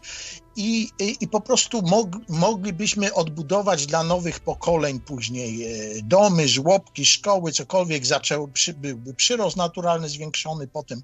A co teraz mamy? E, Przeżyli najstarsi, najsłabsi, najbardziej schorowani. Rząd uderzył w e, młodzież i dzieci, czyli sparaliżował edukację narodową i e, e, rozbił e, prywatne biznesy, rdzeń gospodarki, czyli małe i średnie przedsiębiorstwa i tak dalej. Ktoś powiedział, nie wiem czy Korwin-Mikke, że nawet ponoć zakłady pogrzebowe bankrutują, bo nakupiły niepotrzebnie na zapas trumien i, i teraz nie mają jak spłacać tego i bankrutują. W związku z tym to reakcja, nie wirus zaszkodzi narodowi, tylko reakcja kompletnie dyletanckiej władzy, czy, czy jakiejś spiskowej, szkodliwej międzynarodówki, jakichś e, chcą, chcących e, zaprowadzić rząd światowy i wynarodowić państwa narodowe. Nie wiem.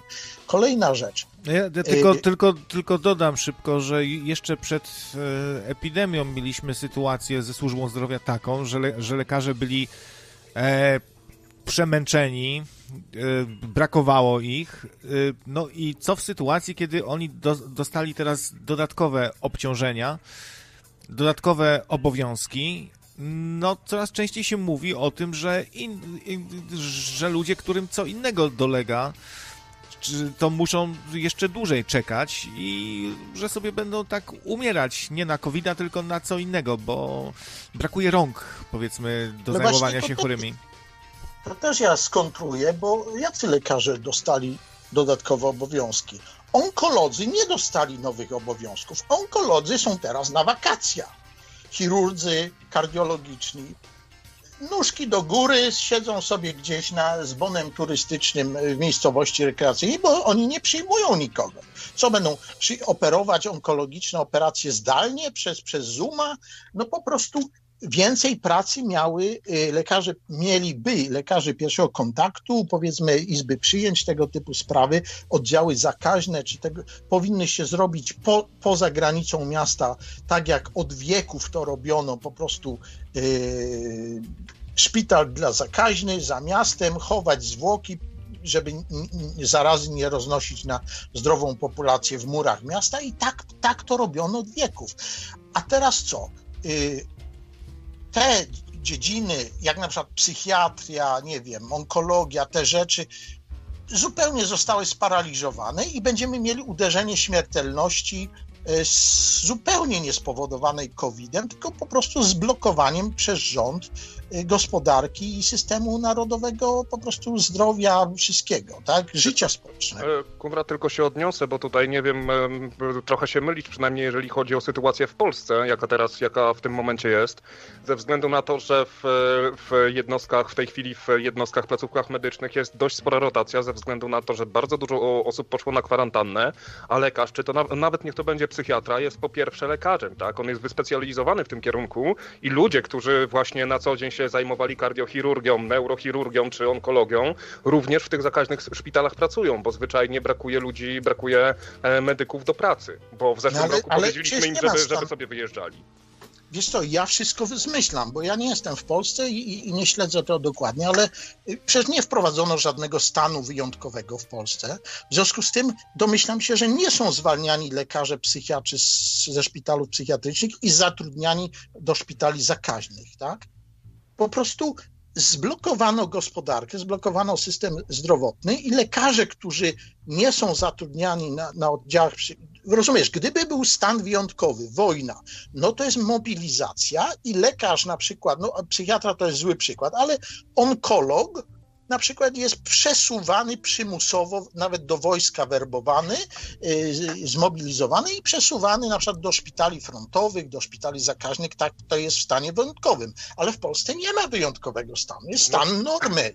Tak, tak? Tylko, tylko że zakładasz, że jest tutaj, nie wiem, że to musi do ciebie przyjść policja i wtedy, i wtedy się prze, przekwalifikujesz. Moja, moja znajoma, która jest fantastycznym chirurgiem, w momencie, kiedy otwarto e, ten jednoimienny w Zgierzu, to sama, sama się postarała, żeby tam tam właśnie się do, dostać, ze względu na to, że operacje zostały po, po, po, poprzekładane, poanulowane co tylko się dało. Miała trochę więcej tego czasu i zamiast sobie pojechać na teren, Teneryfę czy na inną Fuerteventurę i pić sobie piwo z Szumowskim, to sama proaktywnie, ponieważ jest osobą oddaną, ponieważ jest lekarzem z, z powołania, sama ruszyła na ten pierwszy front.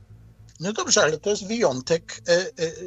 To nie jest systemowe działanie. To jest wyjątek, aktywność własna lekarzy, a nie na przykład działania e, proaktywne Ministerstwa Zdrowia w czasie zarazy. Ale wiesz, zostawmy to. Ja, ja chciałbym dalej. E, mianowicie uważam, że to jest zbrodnia przeciwko ludzkości, która się dokonuje w Polsce. Lekarze dokonują zbrodni przeciwko ludzkości poprzez fałszowanie danych medycznych. Jeżeli y, w czasie y, epidemii lekarze wpisują rozpoznania y, na, na aktach zgonu fałszywe, to oni na całe pokolenia w, w, wiesz, to tak jak w, w komputerach, w, komp w, dziedzinie komputerów jest rubbish in, rubbish out. Po prostu fałszywe dane na wejściu, to masz fałszywe wyniki na wyjściu. To tak jakby stacje meteorologiczne na Śnieżce, tam gdzieś Kasprowym Wierchu, Gubałówce, nie wiem gdzie, podawały do centrali fałszywe dane, no to oczywiście będą modele komputerowe fałszywe podawać prognozy pogody, albo na przykład y, jednostki Wojska Polskiego po, po, y, relacjonują fałszywy stan uzbrojenia i armii i nie mówią, że mamy 10 sprawnych czołgów w naszym rejonie, tylko mamy, nie no 20, no my, my mamy 20, wiesz, i przychodzi atak jakiegoś przeciwnika i się okazuje, że nie ma prawie żadnych czołgów do dyspozycji, tak? To jest zbrojenie zbrodnia, to jest akt zdrady narodowej. Takie, wiesz, fałszywe wypisywanie fałszywych rozpoznań, żeby się przypodobać, nie wiem, władzy panującej, tak? Uzasadniać, że wprowadzili y, po prostu y, sfałszowanie tego, z tego roku danych po, spowoduje kompletnie poderwanie zaufania do, do, do, nie wiem, do państwa, do systemu opieki, do lekarzy samych i później w, przysz później w przyszłych jakichś uczelniach, nie wiem, medycznych i, i e, informatycznych uniemożliwi im wyciąganie prawdziwych wniosków z doświadczenia narodowego, rozumiesz? Także chcę zaznaczyć, że dokonuje się, jeżeli są prawdziwe doniesienia, że lekarze wpisują yy, na przykład, że ktoś miał astmę i tam coś, a dostał covid i mówi, że umarł tylko i wyłącznie na covid no to to jest zbrodnia, bo to jest yy, na całe pokolenia zafałszowanie danych.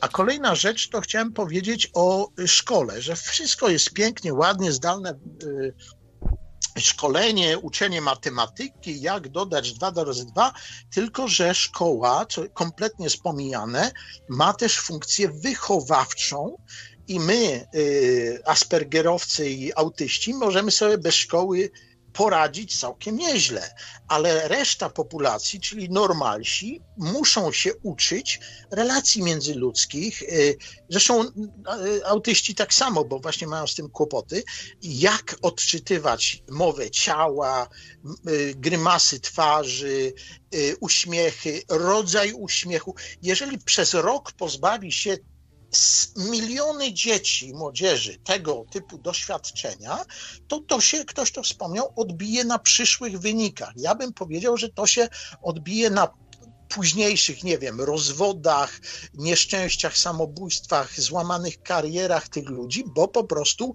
y, szkoła, Ministerstwo Oświaty i rząd Rzeczpospolitej po prostu pominęli funkcję wychowawczą szkoły, tak? Przez przez rok powiedzieli, a niech się uczą matematyki, mogą się uczyć w domu, ale pominęli rodzaj wychowania szkoły jako placówki wychowania przyszłych obywateli. E, dołączył to Misiu. Wyjątkowo odebrałem, bo chciał jakoś tutaj e, e, cię skontrować, Kunradzie, czy zadać ci pytanie. Nie wiem konkretnie o co chodzi. To Misiu, wal. Halo, halo, czy mnie słychać? Tak, słychać. Witamy. Witam, witam.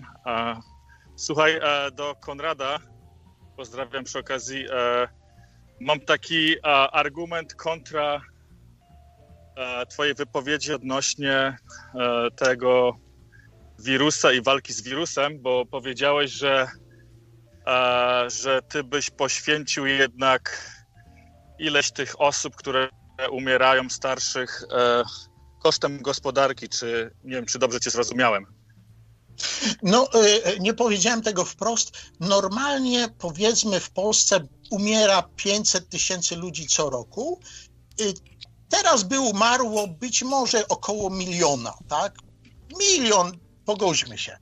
Dobra zwaliłoby się na dopust Boży, nie wiem, raz na 100 lat, infekcja, y, pandemia i, i, prze, i żyłoby się dalej, by, by ludzie o tym zapomnieli w 2022, 2023 byłoby dalej spokojnie. Tak, tak. Ja, ja bym tutaj się zgodził z Tobą. Nie chcę wnikać e, w liczby. Zgadzamy się wszyscy pewnie razem, że śmiertelność tego wirusa jest bardzo niska. Jeżeli chodzi o dzieci, to mógłbym nawet się zgodzić z tobą, że jest bliska tam zeru. E, zaraźliwość jest bardzo duża, także ten wirus się bardzo szybko rozprzestrzenia, tu jest problem.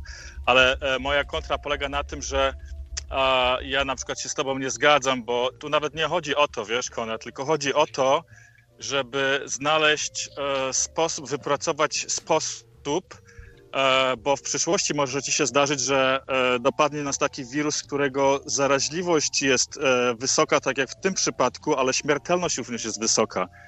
I w momencie, kiedy my teraz sobie z tym nie poradzimy, nie wypracujemy jakiegoś sposobu e, walki z tym, to następnym razem twój argument odnośnie śmiertelności, że to takie, wiesz, typu grypa, on w ogóle już nie będzie miał racji bytu i e, znowuż, e, tak jak wiesz, się obudzimy z tą ręką w nocniku, nie będziemy wiedzieli, jak sobie z tym poradzić. Także tu nawet nie chodzi o to, Konrad, o, o gospodarkę, o to, E, kogo poświęcić, kogo nie, bo e, ja wiem, że dużo osób podobnie myśli tak jak ty. E, natomiast tu chodzi o to, żeby znaleźć teraz, to jest ostatnia szansa dla nas, taki, taka pobudka, żeby znaleźć sposób, żeby wszystkie kraje miały jakiś jeden taki jednolity system, w którym mogłyby na przykład zawalczyć z wirusem, który się okaże o wiele, wiele groźniejszy niż ten, co jest teraz, bo ja się kompletnie z tą zgadzam, że ten wirus nie jest jakąś straszną rzeczą i prawdopodobnie za rok już o nim zapomniemy. zapomnimy. Także tylko tyle chciałem powiedzieć. E, pozdrawiam przy okazji i do usłyszenia znowu. Dzięki, dzięki, dzięki i dzięki wielkie za wczorajszą relację. Mam nadzieję, że jeszcze do takiej formy wrócimy, ale to, to się będziemy jeszcze dogadywać na e, ten temat. Jedno słowo jeszcze od, e, odnośnie depopulacji, takiej kontrolowanej depopulacji, o której mówił, e, mówił Jezus. Tak jak patrzę i słucham ludzi wokół mnie, którzy tam mówią, no i ktoś tam umarł, kto miał 80 lat, ale to on i tak zaraz by e, musiał umrzeć. To ja wiem, ja wiem, że ja przetrwam tę pandemię. No, bez żadnego problemu. Trochę z początku się cykałem, ale im dalej w las, tym jestem tym jestem spokojniejszy. Tylko jak patrzę na nasze społeczeństwo, to tak, to ja sobie będę pracował, e, będę się dorabiał, tylko w, e, coraz mniej mi się chce robić czegokolwiek dla moich rodaków ze względu na to, że kiedyś, nie wiem, będzie, będzie taki wirus, który będzie wykończał białych mężczyzn, którzy będą mieli 50 lat i akurat będę właśnie w tej grupie i w ludziach siedzi coś takiego, że no dobra, no to, to i tak, i, no trudno, no co, co tam będziemy o siebie dbać, gospodarka jest ważniejsza, więc podejrzewam, że nie jestem od, od, odosobniony w tym myśleniu, szczególnie jeżeli by zapytać osoby, osoby starsze i z grup ryzyka. Dlaczego ja miałbym, e, nie wiem, inwestować w lokalną społeczność, dawać, dawać miejsca pracy, czy dawać jakoś, nie wiem, zaangażować się do szkoły moich dzieci, jeżeli to społeczeństwo w momencie jakiegoś zagrożenia, gdzie ja będę osobą, która będzie w mniejszości, która będzie w pewien sposób zagrożona, stwierdzi, a jego to walić, przecież to młodzi ludzie są, jest 10 Ukraińców na jego miejsce. Więc nie, to bu budzi we mnie ogromny egoizm i myślę, że egoizm ten ze mną na długo, na długo zostanie, wobec czego będę się rozwijał ja, będą się rozwijali, jak, nie wiem, jakieś takie może małe grupy, jakieś właśnie wręcz elity, które będą sobie budowały swój kapitał, jednocześnie kompletnie się nim nie dzieląc. I to rozwarstwienie społeczne tylko i wyłącznie wzrośnie, bo w momencie, kiedy będę miał pieniądze, to wtedy na starość będę będę mógł się bardziej zabezpieczyć, niż e, gdybym miał zaufać społeczeństwu, które gremialnie wspólnie powie, a dobra, to on i tak by za 5 lat umarł, to co za różnica, czy to 5 lat w te czy we w te. A w momencie, kiedy masz 80, to jest zajebiście duża różnica. Nie, słuchaj, ja w ogóle, ty bierzesz znowu ten problem y, z punktu widzenia osobistego, a ja biorę to z punktu widzenia męża stanu, tak, który nie mówi o sobie, o to zróbmy takie obostrzenia bo ja jestem w tej grupie wiekowej, to mnie to ochroni. Nie, ja mówię z punktu widzenia kogoś, kto patrzy niezależnie w jakie on jest, na wszystkie grupy, na zdrowie narodu, w perspektywie na przykład następnych trzech, czterech pokoleń. Tak? I i zwróć uwagę, jak działały y, gospodarki wojenne, taki Stalin, taki, nie wiem, Hitler, takie. Ameryki akurat nie znam, to nie jest dobry przykład, ale jak szły wojska hitlerowskie na Y, Związek Sowiecki, Sowieci rozkręcali fabryki i przenosili za Ural. I nie obchodziło ich, ile do, do, do piachów strzelą w tył głowy Niemcy tam y, komu, jakim komunistom, bo się liczyła gospodarka. Jeżeli nie ochronisz gospodarki, to nie wygrasz żadnej wojny nigdy nie, nie wynajdziesz żadnej szczepionki na żadne przyszłe infekcje, bo nie będzie y, funduszy w, w budżecie państwa, żeby finansować placówki naukowe, później nie będzie pieniędzy, nie będzie fabryk, żeby produkować te szczepionki, rozprowadzać. Lekarze się wszyscy rozjadą z rozpieprzonej opieki zdrowotnej za granicę, nie będzie w ogóle lekarzy, pielęgniarek. Gospodarka jest podstawą zdrowia narodu na, na przyszłe pokolenia, czy chcemy, czy nie. Nawet gdyby dwa miliony ludzi miało umrzeć, to gospodarka jest na pierwszym miejscu, ją trzeba chronić. Na drugim miejscu się chroni ludzi, i to wtedy trzeba patrzeć, które y, warstwy, czy to młodzież będzie umierać, czy starsi, czy średni, i y, do tego dopasowywać y, jakieś działania. A tutaj nikt nie patrzył, gdzie jest ognisko choroby, czy, czy na Śląsku w kopalni, no to zamykamy gospodarkę w Suwalskim. No to faktycznie. Tak, Umierają staruszkowie, no to zamieszkamy szkoły i dzieci w przedszkola zamykamy. Dobra, Konradzie, no. tak za, zakładałem, że, że dam ci dużo czasu, dużo dostałeś No dobra, do, dziękuję, dziękuję bardzo. Chciałem po do... prostu wrzucić coś mocne takie uderzenie, żebyście spojrzeli nie łagodnie, tak jak rząd, tylko że tutaj trzeba spatrzeć przez te stosy trupów troszkę dalej w przyszłość, jak to się dla nas wszystkich skończy. Dziękuję, dobrej debaty przez resztę wieczoru. Dobranoc. Dobranoc, dziękuję. Z Panem Bogiem. Uh. O, przepraszam, no bo jakiś donajcik. Tomu Gosia na zakup o. 4 biletów autobusowych z San Diego do Tijuany 10 dolarów. 10 dolarów od Tomu i Gosi na zakup y, czterech biletów autobusowych z San Diego do Tijuany. To ciekawe. Y, dzięki bardzo. Mm. No, tak, zgadzam się z Konradem. Gospodarka ważna. Może dojść do sytuacji, że Polacy będą umierali ale z biedy już, szczególnie jeśli się sprawdzą te różne mm, niepokoje związane z bankructwem y, naszego kraju, tak po prostu. Może już y, w tej chwili mamy y, taki dług, PiS nas zadłużył na półtorej biliona i same odsetki od tego długu, bo długu nigdy nie spłacimy. To jest niemożliwe, żeby nagle przestało wszystko w kraju działać, żebyśmy nie wydawali na szkoły, na szpitale, na nic i żebyśmy sobie przez kilka lat tylko spłacali dług, żeby go spłacić. Możemy co najwyżej rolować ten dług i to, będzie, i to będą robiły dzieci y, kiedyś, nasze w cudzysłowie, bo, bo nie mam. No i może y, w tej chwili jeszcze dla światowej finansjery ten nasz dług jest jeszcze do zaakceptowania. Wynosi tam 10, e, 10% całego naszego budżetu. No, ale jak to dojdzie do 20, do 30, a z pisem to wszystko jest możliwe, no to może mogą nagle zażądać i żebyśmy im oddali, no właśnie co, tu można jeszcze sprzedać? Drogi, wodę, lasy, coś się znajdzie na pewno, jakieś tam resztki rodowych sreber, i takie są moje przewidywania, że PiS doprowadzi kraj do ruiny i ludzie będą umierali z biedy po prostu, a te wszystkie obostrzenia związane e, z pandemią, tylko to będzie, nie wiem, czy gwóźdź do trumny, czy jedna z przyczyn po prostu, dodatkowa cegiełka do tego dołożona, do tego bankructwa.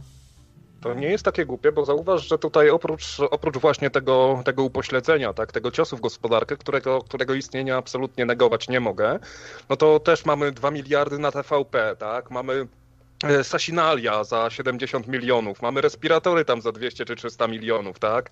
Mamy te maseczki sprzedawane potem na Orlenie i na poczcie za jakieś dziwne pieniądze, które i tak standardów nie spełniały, ale trzeba było wynająć duży samolot, podczas gdy przykładowo taka Kulczykowa w ciągu tego, tego, tego samego, e, mniej więcej w tym samym czasie e, przywiozła siedmioma Boeingami też jakieś tam środki ochrony osobistej, i mimo, że ilościowo było tego podobnie, no to koszty wynajmu samolotu, 7 e, Boeingów, tak, jakichś takich średnich, małych, kosztowało tam, nie wiem, jedną trzecią tego, co kosztował Antonow, ale zauważ, że w tym momencie, kiedy gospodarka e, zmierza ku niechybnemu upadkowi i będziemy musieli trochę zmienić nasze przyzwyczajenia, to PiS będzie mógł powiedzieć, a to właśnie przez wirusa. To nie przez naszą niegospodarność, bo my tutaj się staraliśmy, nie? I te miliardy na TVP i tutaj jakieś, jakieś właśnie zamieszania w spółkach Skarbu Państwa, to nie jest nasza wina. No trudno się zdarzyło i to mnie strasznie dziwi, tak? To mnie strasznie dziwi, że mamy przecież ta, czas tak bardzo ciężki, tak? A ani tych respiratorów za bardzo nie widać, ani pieniędzy z tego.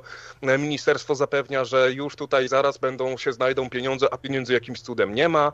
O maseczkach już nikt nie pamięta, o wyborach Sasina też już nikt nie pamięta, więc, e, więc wiesz, więc jest to no, bardzo, bardzo ciekawie, ciekawie rozgrywane i zobaczysz, że w momencie, kiedy naprawdę zacznie się walić i palić, kiedy nie będą zamykane tylko jakieś tam małe sklepy spożywcze czy jakieś knajpy, tylko przykładowo zaczną wycofywać się zagraniczne kapitały z Polski i zaczną się zamykać Lidle czy inne Tesco, bo stwierdzą, że no, takim antyludzkim państwie nie ma co działać i nie opłaca im się tutaj płacić podatków, bo ludzie nie mają pieniędzy, żeby konsumować, więc nie opłaca nam się tutaj czegokolwiek innego.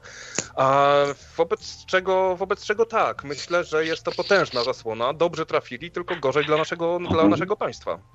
Cześć Furiat. Ja chciałbym jedną rzecz, drogi kolego, bo faktycznie może masz sprawę i, i taka jest, bo faktycznie PiS to jest, przepraszam, że tak powiem brzydko, to, to nie jest dobra sprawa. Jednocześnie jak się pytamy któregoś dnia sami siebie, Bywać, że to powiem serdecznie. Bo faktycznie jak się pytamy sami siebie, jak nie PiS, to kto? No to, jest, to będzie tak zwana słynna, y, jak to się mówi, bardzo ładnie się to mówi, kolorowa sytuacja. No. Jeżeli pan chciał mieć kolorową sytuację, drogi panie, słuchacze moi kochani, no to, to róbcie wszystko, ten i tamten. No przecież tylko ten głupi PiS, jest to prawda. Ja PiSu nie też nie znoszę, ale PiS już się nie No to serdecznie. Czy macie wyobraźnię jakąś bez PiSu, czy, czy ta, ta kultura tak zwana yy, kolorowa, obrzydliwa zresztą. Wiecie o co tu chodzi. Nie udawajmy, kurwa, że jak ktoś czyta Ewangelię i chodzi do kościoła, to nie bądźcie idiotami, nie udawajcie, że, że to jest zboczenie i królestwo. Ja sam zrobiłem brzydkie rzeczy w życiu. Brzydkie rzeczy w życiu zrobiłem. Ale ja przyznaję się, idę do kościoła, spowiadam się, idę dalej. I życie polega na jednej rzeczy. Powiadam na jednej rzeczy. Cały Kościół polega na jednej rzeczy. Przyznać się, potępić swój grzech i, i pójść do przodu i być bardzo mocny. To takie proste. Aż się dziwię, że, że ludzie tego nie wiedzą. Tak żenuję się, drodzy moi. Wszystko to jest bardzo proste w życiu. Trzeba wstać rano, rzucić alkohol, a może, a może dwa alkohole. To nie ma tego. A któż nie ma tego? Któż nie ma sytuacji, kiedy budzisz się rano, mówisz, okej, okay, nie piję, Jutro nie piję, dwa lata nie piję, dwa tygodnie nie piję, ale któregoś dnia przychodzisz i mówisz, hej, jeszcze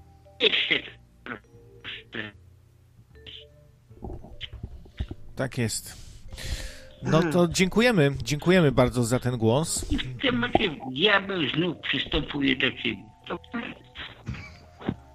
No tak to jest właśnie w życiu. Ale najważniejsze, żeby zdrówko było, właśnie. No, to dziękujemy bardzo. E, to był tata Furiata. Jedna, jedna, ciekawa rzecz i ciekawe myślenie w tym telefonie się pojawiło, czyli na zasadzie, jeżeli nie PiS, to kto? I tak długo sobie możemy wymieniać, że w Białorusi się mówiło, no jeżeli nie Łukaszenka, to kto? E, w 80, w latach 80. w Polsce się mówiło, że jeżeli nie komunizm, to co, tak? Podejrzewam, że i w latach 30., 40. w Niemczech też mówili, jeżeli nie Hitler, to kto? Nie zawsze jest tak, że musimy od razu mieć, fajnie mieć oczywiście jakąś alternatywę i działać według jakiegoś planu, ale e, siedzieć, siedzieć w dupie, zacząć się w niej urządzać tylko dlatego, że w tym momencie nie widzimy żadnej alternatywy, no właśnie być może dlatego nie widzimy, ponieważ ta dupa tak bardzo nas czule otacza, że nie zauważamy, że można zrobić coś innego. Więc e, jeżeli obalać, to najpierw obalać, a potem się zastanawiać. Jeżeli już w tej chwili widzimy, że to zmierza w złym kierunku, no to potem sobie pomyślimy o takich rzeczach, to kto. Być może tego jeszcze nie widzimy kto. Na pewno nie pookrągłostołowe szmaciury ktokolwiek inny, ale to jest też problem taki, że ogólnie mamy elity zdegenerowane mocno i i standardy bardzo zaniżone, jeśli chodzi o sprawowanie władzy. No ogólnie, więc faktycznie jest sytuacja, że kto, kto się teraz do koryta nie dorwie, no to nic z tego dobrego nie wyjdzie. No i nie wiem, myślałem przez, przez moment, że może Konfederacja, ale potem też mi przeszło. Myślałem przez moment, że nie wiem, że Grzegorz Braun może to może mądrze gada, ale potem mi przeszło. I tak właściwie też nie wiem, na kogo tu oddać głos za bardzo. E, kiedyś była ta fascynacja Korwinem, rzecz jasna i tak dalej. I, i, i ludźmi właśnie z tych kręgów. Mm, może zmieńmy troszkę temat. W, wyszedł Michał Esz, zwany Margot z aresztu. No i pierwsze co zrobił, to pokazał fuck you, jakieś takie zdjęcie mu zrobiono, gdzie on na tabliczce Scrabble ma e, ułożone literki w zdanie Polsko, ty chuju, przestań mi Margot aresztować. To jego zdjęcie zostało szybko przerobione na no coś takiego, co widzicie tutaj w tym E, na naszym screenie, na ekranie, że przerobiono go na Matkę Boską, mm, co wywołało, myślę, słuszne oburzenie wśród prawicy. No, już, już tak nie mieszajmy z głównym tego, co, co jest dla innych ważne, a jak to już robimy, to róbmy to jakoś sensownie, a nie tak tylko, żeby innych wkurwić, nie? I żeby zeszmacić czyjeś tam ważne symbole. I wiadomo, że Polska jest maryjna mocno i to, nie wiem, ten koleś mi się jawi jako po prostu troll coraz bardziej. Słuchaj, fa facet, włosy na rękach, głos męski, e, brak cycków, właściwie żadnych cech kobiecych, każe się nazywać kobietą i lewicowe media to robią i mówią, pani Margot została wypuszczona i oczywiście bronią jej. E, zarzuca się tym środowiskom prawicowym właśnie, że one tak e, właśnie w myśl niekalania własnego gniazda i idą w, za, w zaparte, bronią tych swoich, ale widziałem na lewicowych mediach dokładnie jest to samo. Oj tam, oj tam, czepianie się takich szczegółów, że fuck you pokazał i Polskę obraził i, i e, Ziobrę nazwał chujem, bo też coś takiego była taka wypowiedź, że koledzy z celi kazali prze, przekazać, że Ziobro ty chuju, coś takiego. E, tak. No ja, ja nie wiem, dla mnie to jest e, troll i po prostu i bardzo żenujące są te lewicowe media, że one się tak dają, tak jakby no straciłem zupełnie jakby chęć czytania takich mediów, które jakiegoś faceta nazywają kobietą tylko dlatego, że on tak sobie wymyślił. To, to chyba nie na tym to polega, nie? Że to że ktoś sobie wymyśli, żeby go nazywać jakoś. Na przykład ja chcę od dzisiaj, żeby mnie nazywać kapitanie Ameryko i taką tarczę sobie kupiłem i proszę do mnie mówić kapitanie Ameryko, a jak ktoś tego nie zrobi, to, to podam go do sądu, oskarżę, będę, będą artykuły o tym w gazetach, że zostałem e, tu potraktowany e, Marvelo, e, Marvel, przez Marvelofobów, byłem tutaj zeszmacony i sponiewierany przez Marvelofobów. Dlaczego oni do mnie nie mówią kapitanie Ameryko?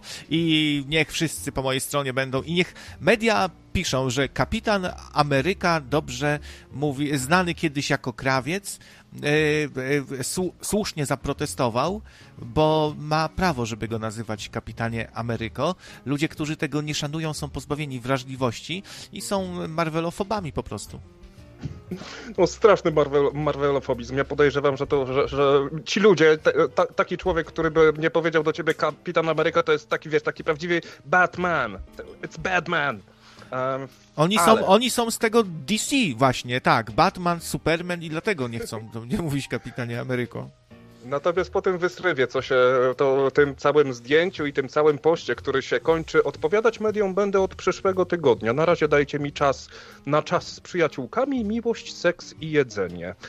Um, nie wiem, nie znam się aż tak bardzo na lewicowych mediach, ale akurat w mojej bańce informacyjnej widzę już bardzo głębokie rysy i ostro zaczęło w ludziach pękać. Sam też jestem, no, delikatnie mówiąc, e, oburzony. Jeszcze tutaj właśnie tym, e, raz, że samym fakiem, e, no, trochę tak, trochę tak, bo tutaj i takim celebrycką, taką celebrycką formą całej wypowiedzi gdzie zamiast, nie wiem, no skoro teraz masz czas na miłość, seks i jedzenie, no to widocznie tak całkiem spoko ci było w tym więzieniu i tutaj robienie sobie jakichś e, faków i innych, e, innych dziwnych rzeczy, może tak, może aż tak bardzo cię to nie bolało, może ci się, e, ci się spodobało, tak? Jak chce się nazywać, to jest tak naprawdę jego sprawa. Nazwanie kogoś kobietą albo mężczyzną nie jest dla nikogo obraźliwe, to nie jest, no, ja go nie nazywam czarnuchem, tak? Natomiast na taki mujahedin LGBT, na którego się kreuje, no to niestety mm, tak samo jak mówiłem na przykładzie, na przykładzie tych ostatnich, ostatnich wydarzeń Black Lives Matter, gdzie to już schodzi w bardzo złym kierunku i robi więcej szkody niż pożytku, no to w, tutaj mam dokładnie takie samo wrażenie, że ktoś tutaj się wybił na, na, jest taki członek wysunięty na czoło, który się trochę wybił, trochę się właśnie upił tą całą swoją popularnością a, i zaczynają wykorzystywać do jakichś zupełnie innych celów, tak? Bo zaczęło się od tego, zaczęło się od właśnie walki z tymi ciężarówkami, które głoszą hasła nienawiści oblepione jakimiś tam różnymi, różnymi fałszywymi informacjami.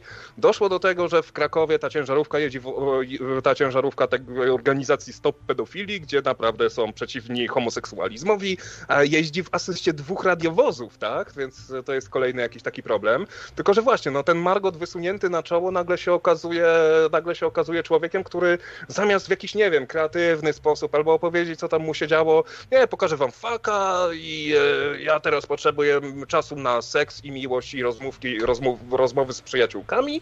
No i takie, no stary, no to jest, Margot stał się palikotem, palikotem LGBT. Obiecywał bardzo dużo, chciał zmienić, chciał coś fajnego zrobić.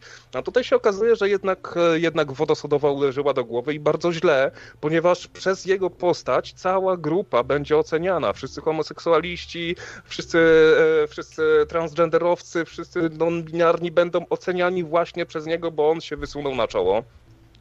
Natomiast tak, natomiast bardzo się cieszę, że, że, że, to zaczęło się, że to zaczęło się okay. łamać i to uwielbienie wobec Margot się już nie jest aż takie oczywiste. Ludzie dostrzegają w tym fałsz i e, pewną, nie wiem... E, zauważyli, że zostali oszukani. Także myślę, że, że celebryctwo Margot skończy się bardzo szybko. Tak, już się wielu homoseksualistów odcina od tego Margota. No strasznie, strasznie jakaś przykra taka osoba, zupełnie jakoś nie zdobył jakiejś mojej sympatii. Taki widać, że mu się w dupach, w dupie poprzewracało i o, jestem gwiazdą, wow! I w ogóle nie rozumiem, że z, za taką osobę ręczą e, Michael naczelny rabin polski, uwaga, Stanisław Wojciechowicz, pierwszy reformowany rabin w, w gminie żydowskiej, ksiądz Adam Boniecki, y, jakieś aktorki, Maja Komorowska. Y, czym on sobie zasłużył na takie wsparcie, za, za wstawianie się za nim? Czy on, czym on sobie zasłużył na to, że zbiera po 300 tysięcy na jakichś tam zrzutkach, za to, że jest i faka pokazał i, i, i, i obraża, tak? I go aresztowali no to kolejny, popatrz, jakich mamy idoli dzisiaj. Ktoś, y, jakiś bohater narodowy, bo go, bo go zastrzelili, bohater narodowy, bo każe się nazywać kobietą, a facetem jest i go aresztowali. No, no wybit, wybitne osiągnięcia, naprawdę jestem pod wrażeniem. Co tam naukowcy, pisarze, e, no to, to, to, to jest heros prawdziwy, nie? i, I czemu ci Żydzi się nagle wstawiają? Co to, co to ma do rzeczy w ogóle? Co, co ma piernik do wiatraka? Jacyś rabini się, się za nim wstawiają. Rabini jeszcze? Którzy chyba nie są za bardzo za takimi jakimiś fanaberiami LGBT, L, LKPC, zoofil, dendrofil plus, nie? Nie wiem, nie znaczy, rozumiem. Wiesz, akurat, akurat w społeczności żydowskiej to jednak każda forma jakiegoś uciśnienia będzie się, będzie, będzie miała dużą, e, dużą odpowiedź emocjonalną ze względu na to, że jednak pamiętamy Holokaust. Nie od razu Holokaust był, tak się do roz ostatecznego rozwiązania kwestii żydowskiej trochę czasu musiało minąć, zanim zostało to oficjalnie powiedziane i, e, i wdrożone. Wiesz co, mam takie wrażenie, że ludzie też nie do końca starają się przyjrzeć, przyjrzeć argumentacji, przykładowo argumentacji drugiej strony, strony, wysłuchać, wiesz, tak jak to wielokrotnie powiedziałem, że ja nie widzę nic problemu, żeby ktoś sobie czytał, czy nie wiem, słuchał Karonia i słuchał sobie Tomasza Lisa, tak? Ale jeżeli wyciągniesz część wspólną, to będziesz miał wtedy kawałek prawdy, tak? Czy coś, co być może niedaleko prawdy leży, bo o ile sam uważałem, że bardzo fajnie, że ktoś się wziął za wręcz działania ocierające się o terroryzm, o, ocierające się, które są formalnie łamaniem prawa, wobec, wobec właśnie tego, tego pompowania ludziom do głów nienawiści jednego człowieka, tego dzielenia naszego, e, naszego społeczeństwa. No tylko, że problem w jaki sposób to zostało wykorzystane, tak? Bo to, że Margot został aresztowany, to, że, że trafił do tego aresztu, to nie było przez przypadek. To są bardzo konkretne przesłanki. Jeżeli e, nie współpracujesz, jeżeli nie deklarujesz, że no dobra, słuchajcie, no mm, nie będę dalej tam, nie wiem, podpalał ciężarówek, nie? No to wtedy możesz sobie z, z wolnej stopy odpowiadać, ale jeżeli jesteś kozak i i e, masz to wszystko w dupie, no to sorry, zabawa się skończyła, tak? Jeżeli ludzie na tym proteście skaczą po samochodach, a potem płaczą, że e, policja, e, policja ich dusi, no to kurde, trzeba było nie skakać po samochodach w pierwszej kolejności. I bardzo źle, bo jest to stworzenie właśnie jakiegoś takiego e, dalszego dzielenia Polaków na jakieś różne, na różne frakcje. I problem jest taki, że wiesz, że teraz się boję, bo mam kolegę, który mieszka na przedmieściach Łodzi i on bardzo chciałby sobie przed zimą zmienić piec, ale jeżeli zmieni ten piec, to może dostać wpierdol od swoich sąsiadów. Nie, w ogóle, no, nazwałem audycję Obyć żył w ciekawych czasach, czyli stara chińska klątwa. Klątwa, właśnie, i myślę, że żyjemy właśnie w tych czasach ciekawych, ale niestety nieciekawych w, w dobrym tego słowa znaczeniu. No, ci ludzie rabujący sklepy, te lewactwo, te zamieszki, e, te robienie bohatera z kogoś tylko dlatego, że umarł, mimo że był bandytą, się potem okazuje. E, ci zboczeńcy różni, z których się robi też bohaterów. Nawet, ten, nawet te technologie, e, o których dzisiaj gadaliśmy, Neuralink, wszystko mi się niestety układa w taką jedną bardzo e, mroczną układankę, całość jakąś. Nie jestem jakiś przecież ani wierzący, ani nie jestem takim stuprocentowym szurem, a to wszystko mnie bardzo niepokoi i to jest taka idiokracja, ale zupełnie nie na wesoło, nie? E, dołączymy ciąga Bolunga. Jeszcze wcześniej trochę dzwonił, ale się tutaj rozgadaliśmy. No, zaraz zobaczymy, czy jeszcze będzie Cio chętny. Ciągu zawsze spoko. E, tutaj też jeszcze chciałbym się odnieść, bo to jest taki problem, że bardzo często właśnie jacyś tacy celebryci czy rabini, zresztą co to za rabini, że obaj powiedzieli tak. Jeden rabin powinien powiedzieć tak, a drugi nie. W przeciwnym razie to nie są rabini. E, gdzie przyglądałem się historii, o której rozmawialiśmy sobie wczoraj czy przedwczoraj na Discordzie z Tuwumbą. Odnosiła się do tego 17-latka, który jest tam z jakąś AR-ką właśnie tam zastrzelił dwóch kolesi, jednego ranił, no i właśnie e, tam mu wypominano, że był zbyt młody, żeby taką broń posiadać, a w ogóle co on tam takiego robił. Nie wiem, co on tam robił, nie wiem, to nie jest w tym momencie istotne. To, to czego nie zauważyłem w mediach e, lewego nurtu, że tak powiem, to jest to, że on zaczął strzelać w momencie, kiedy jeden z czarnoskórych wyciągnął Glocka i zaczął e, i z gotowością, wiesz, no, jeżeli wyciągasz Glocka, to nie po to, żeby go przeczyścić, tak? Witamy ciąga. Mm, cześć. Wiesz, trzeba, ale z drugiej strony po co udał się tam z bronią? I to można tak cały czas, w jedną i w drugą stronę. Na jedną i drugą stronę się argumenty znajdą, czyż nie? I tak, słuchaj mnie? Tak, tak. No, no co. Różnie, różnie bywa. Eee, ja generalnie rzecz biorąc wcześniej dzwoniłem, bo chciałem się w sumie do Konrada odnieść, e, bo on tutaj dużo elaborował o tym, że jakby po prostu uspokoić się i nic nie robić, e, to, to gospodarkę moglibyśmy uratować i w ogóle, bo prawda jest taka, że gospodarka miała problem zanim się ten koronawirus zaczął, to tylko obnaża te problemy i tak naprawdę przyspiesza pewne procesy, a nic nowego nie stworzył ten wirus e, tak naprawdę. E, ponadto, e, jeżeli tutaj mówi o tej śmiertelności 3%, ale w przypadku, kiedy nic się nie robi, to widać po przykładach krajów, które tak faktycznie zrobiły, jeżeli nic się nie robi, no to ta śmiertelność e, automatycznie wzrasta. Ona nie jest 3%, jak się nic nie robi. Ona jest 7%, ona jest 9%, ona jest 10%, e, więc to tak nie działa. Hmm, absolutnie, że wszystko by było ok, jakbyśmy nic nie robili, co nie? No, no tak, to znowu, no jeden rabin powie tak, drugi rabin powie nie, wprowadziliśmy obostrzenia i nagle się okazuje, że nic się nie stało, tylko że nikt za bardzo sobie nie doda dwa, dwa do dwóch w swojej główce i nie przeprowadzi eksperymentu myślowego, co by, co by się stało, gdyby jednak, gdyby to, e, gdybyśmy żadnych obostrzeń nie wprowadzili, gdyby starsi ludzie przez pewien czas nie mieli, no nie wiem, czy, czy choćby im się nie włączyło w głowie, że dobra, to ja może nie będę wychodził z domu, bo może to nie jest aż tak ważne, poproszę wnuczka, żeby mi zrobił zakupy i zostawił pod drzwiami. Jest trochę taka sytuacja bez wyjścia i tak źle, i tak niedobrze. I to kolejny, jeśli się pojawiają takie wyzwania cywilizacyjne, z którymi nie jesteśmy w stanie sobie radzić w żaden sposób, bo i tak źle, i tak niedobrze, to znaczy, że jest jeszcze gorzej niż mogłoby się wydawać. Jesteśmy gdzieś tam, myślę, na końcu.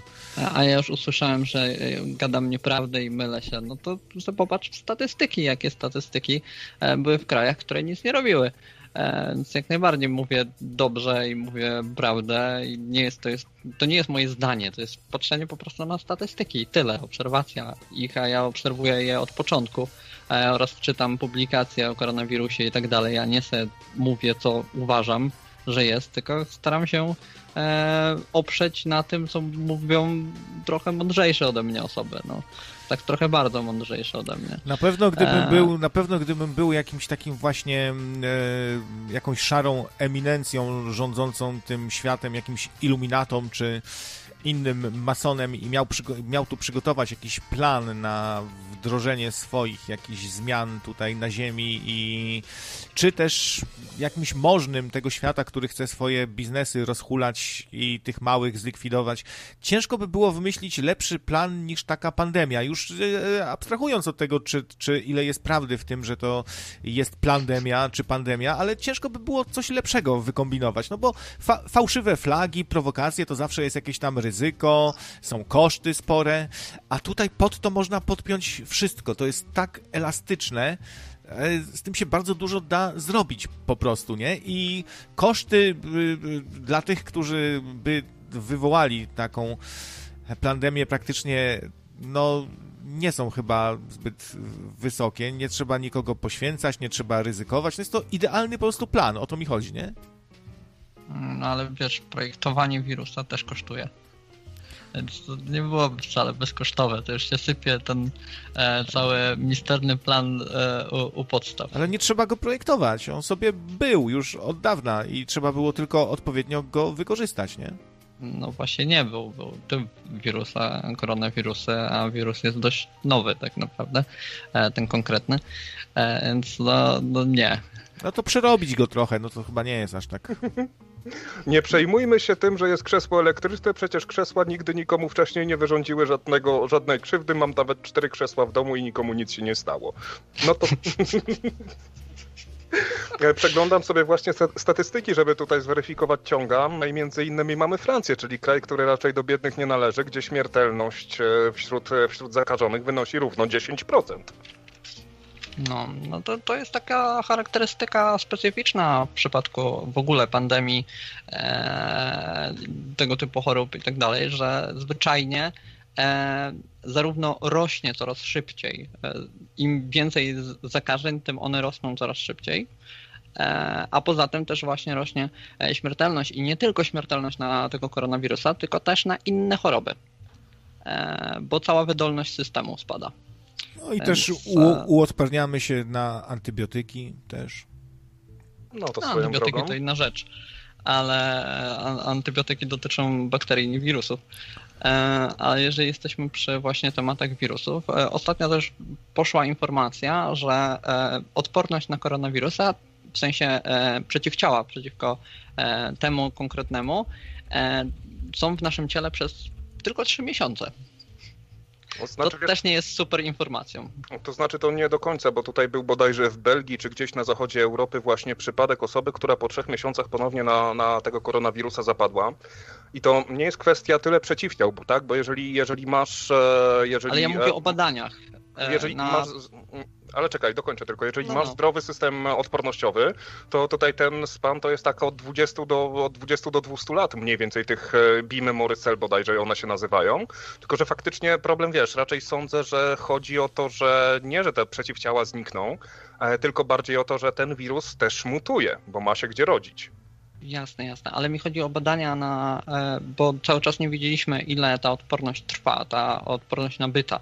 E, na koronawirusa i to jest 3 miesiące, ale to jest e, informacja, która jest z wielu stron. Dużo osób, jak usłyszę tą informację, to, to wiesz, tak ją sobie słyszę i no okej, okay, dobra, 3 miesiące i, i co z tego?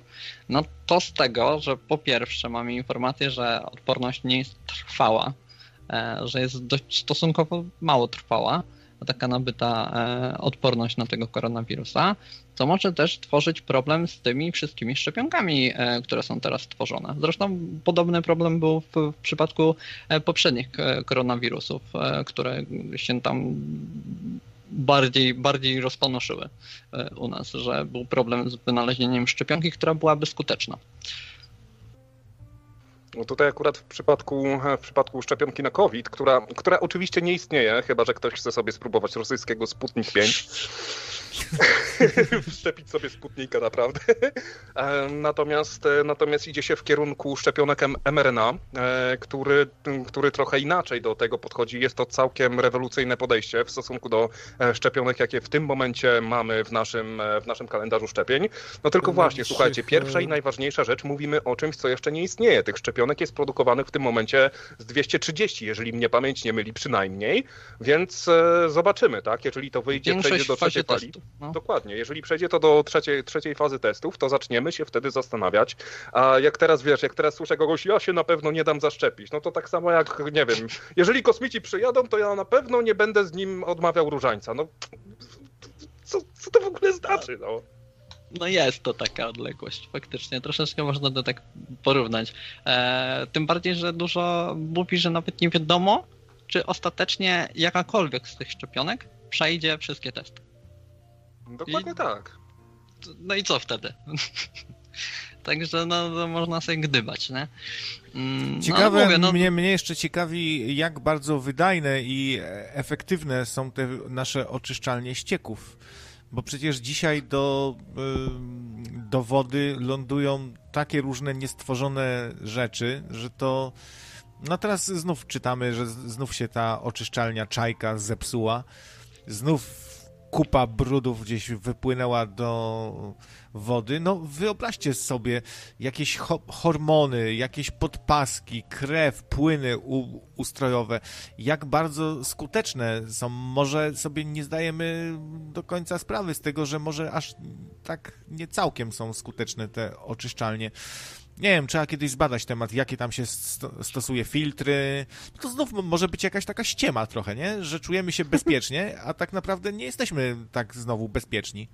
To znaczy, wiesz, nie do końca ze względu na to, że masz dwie, dwa miejsca, w których jest to oczyszczane. Po pierwsze, oczyszczane są ścieki, które są potem zrzucane, dajmy na to, do tej Wisły, a po drugie, ujęcia wody też przechodzą przez bardzo skomplikowane oczyszczanie. Ostatnio myśliwiec z, z Uwaga Naukowy Bełkot e, nagrywał właśnie film w, we współudziale jakiejś tam e, jak, e, ujęcia wody, tak? I opowiadał na tym, w jaki sposób e, polega, na czym polega to oczyszczenie i że ta kranówka, nawet jeżeli, jeżeli e, będzie to pobierane z szamba, to całkiem nieźle, całkiem nieźle można to e, odfiltrować. Natomiast pamiętaj, że nowoczesne oczyszczalnie ścieków to są e, lata mniej więcej tuż przed wejściem Polski do Unii Europejskiej, bo bardzo wiele właśnie tych oczyszczalni stamtąd zostało z tego funduszu wyrównywania, nie pamiętam jak to się dokładnie nazywało, sfinansowane. A wcześniej, no to to całe gówno po prostu szło prosto w rzekę i nikt jakoś na to nie zwracał uwagi.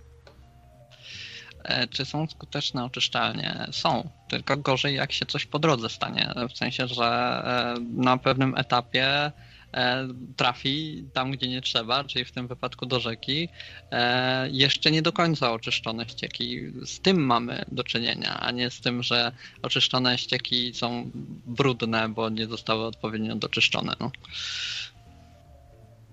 Ciekawe, co, to... co, co się robi z tym całym od, odfiltrowanym syfem, bo trzeba to jakoś bardzo sprytnie zutylizować na pewno i pytanie, czy z tym sobie radzimy.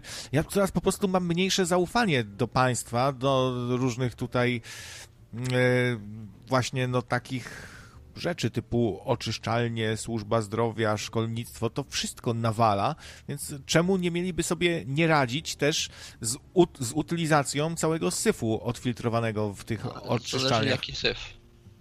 Zależy jaki syf. Wszelaki. Syf organiczny, syf organiczny leci e, do, do takich wielkich zbiorników e, i biopaliwo jest zrobione. A co z innym syfem, to nie mam pojęcia. Czyli jak mówię, że ludzie, którzy jeżdżą dieslami tak naprawdę pracują na gnojówce, to wcale aż tak bardzo się nie mylę. No, no nie.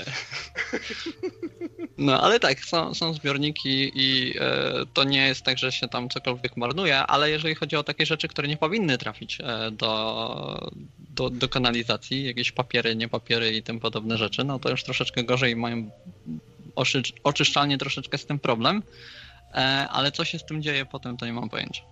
Ale sobie wyobraźcie taką nową część szybkich i wściekłych Mińsk Mazowiecki Drift, że jadą sobie właśnie Passatem TDI 2.0, czy 1.9, nie, 1.9 to światło był, był bardziej. No i dobra, musimy przyspieszyć. Daj mi tabletkę na przeczyszczenie, zaraz doładuję silnik. Yes. Ja, ja mówię tak głównie o choróbskach jakichś właśnie, nie? Które są w tych, e, w tej, w tym, w tym szambie. To, to mnie jakoś tak niepokoi. Czy z tym sobie na pewno dobrze radzą? No, ale... no radzą dlatego, bo e, wiesz, oczyszczanie jest e, wieloetapowe e, i każdy etap ma właśnie zlikwidować inny typ zanieczyszczeń. Gdzieś tam na jednym etapie działają bakterie tlenowe, na innym etapie działają bakterie beztlenowe, no i tak dalej. Jest oczyszczanie piaskiem, więc no tych etapów jest tam sporo, więc no wiesz, raczej są dość skuteczne nasze, e, na, nasze oczyszczalnie nie są jakieś mało zaawansowane. E, jak najbardziej spełniają warunki tego, jakie powinny być. No, ale jak widać, no nie wszystko. Wodociągi nie zawsze. No to Czyli samo doprowadzenie.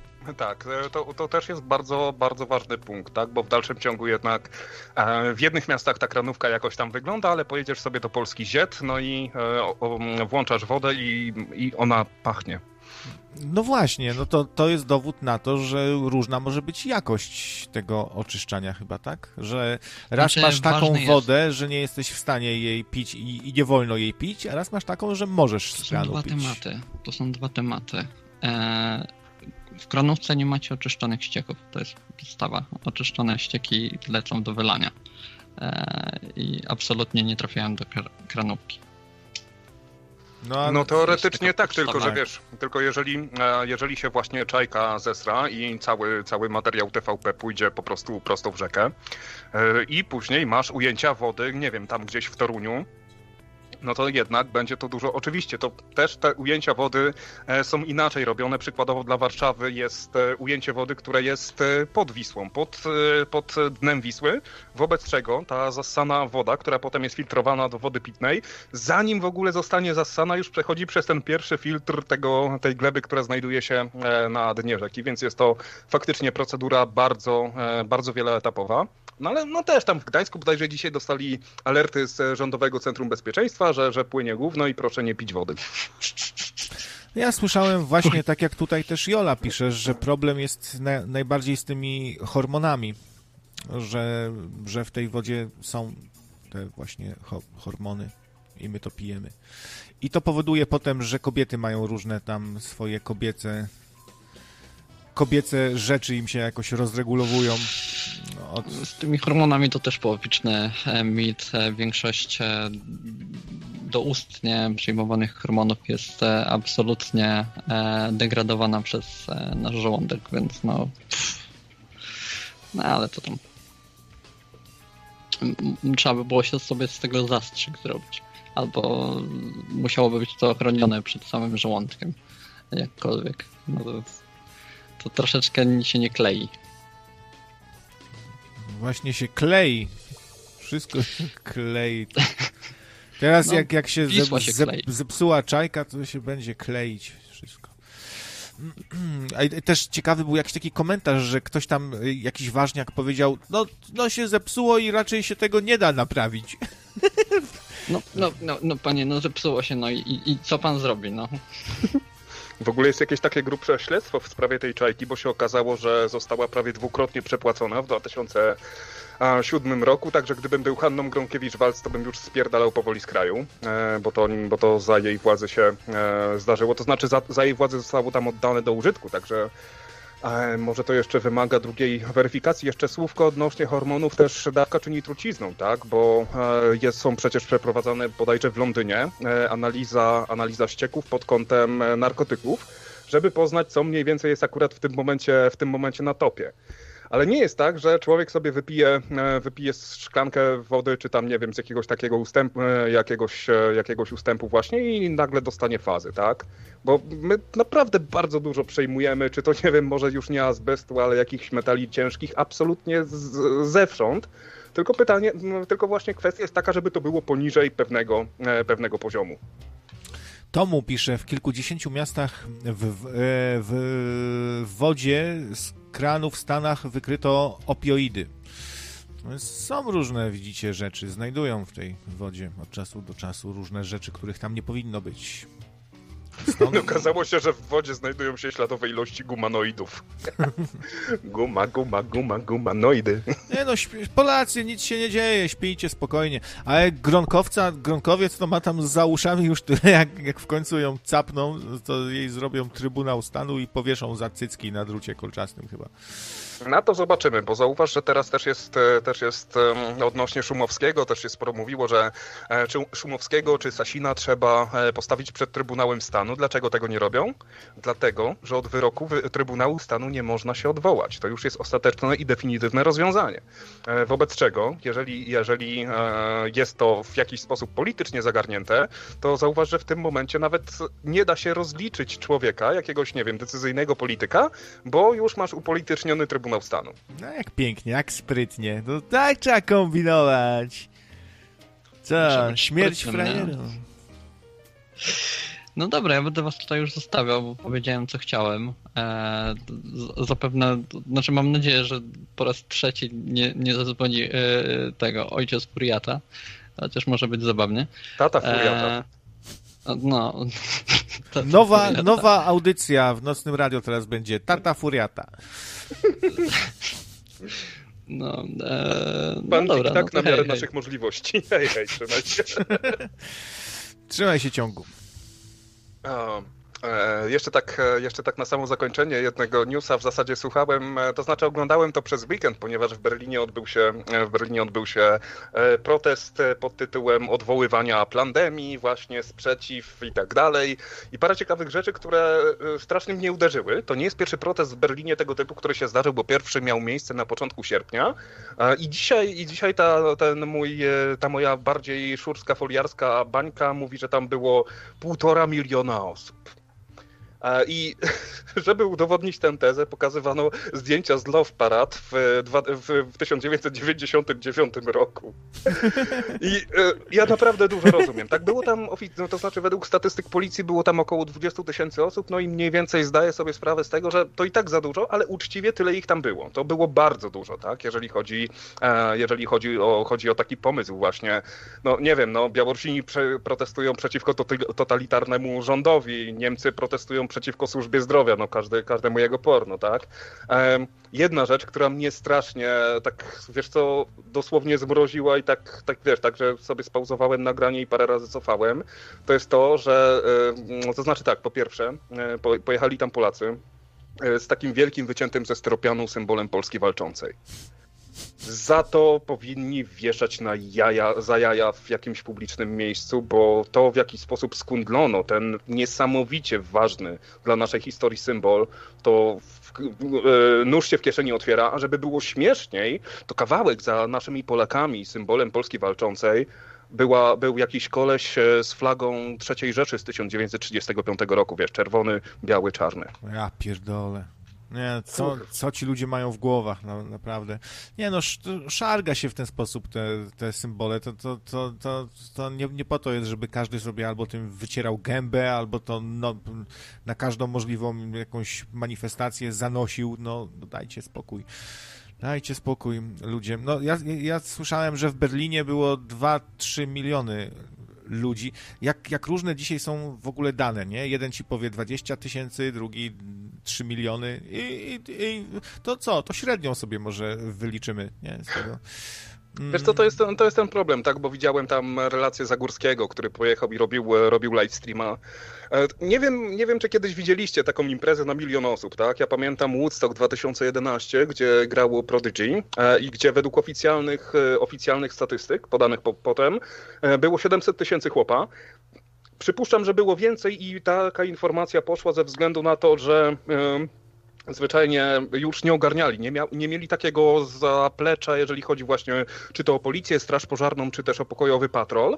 A, no, ale załóżmy uczciwie, że te 700 tysięcy osób było. Ja tam byłem, ja byłem w tym tłumie. Ja widziałem, że w momencie, jeżeli nie wiem, chciałbym odrobinkę skręcić w lewo, to 30 metrów już wcześniej musisz się zacząć zastanawiać, jakbyś zakręcał jakimś wielkim tirem. To jest jed ciężko to określić. Jest to trochę przerażające, bo jeżeli ten tłum się trochę, w, nie wiem, w jedną stronę pochyli, to nagle orientujesz się, że jesteś 100 e, metrów dalej i nawet nie miałeś wpływu na swoje, e, na swoje poruszanie się. A tutaj tak wiesz, te stoją na ulicy, tutaj metr, tutaj dwa metry, ktoś dalej, nie?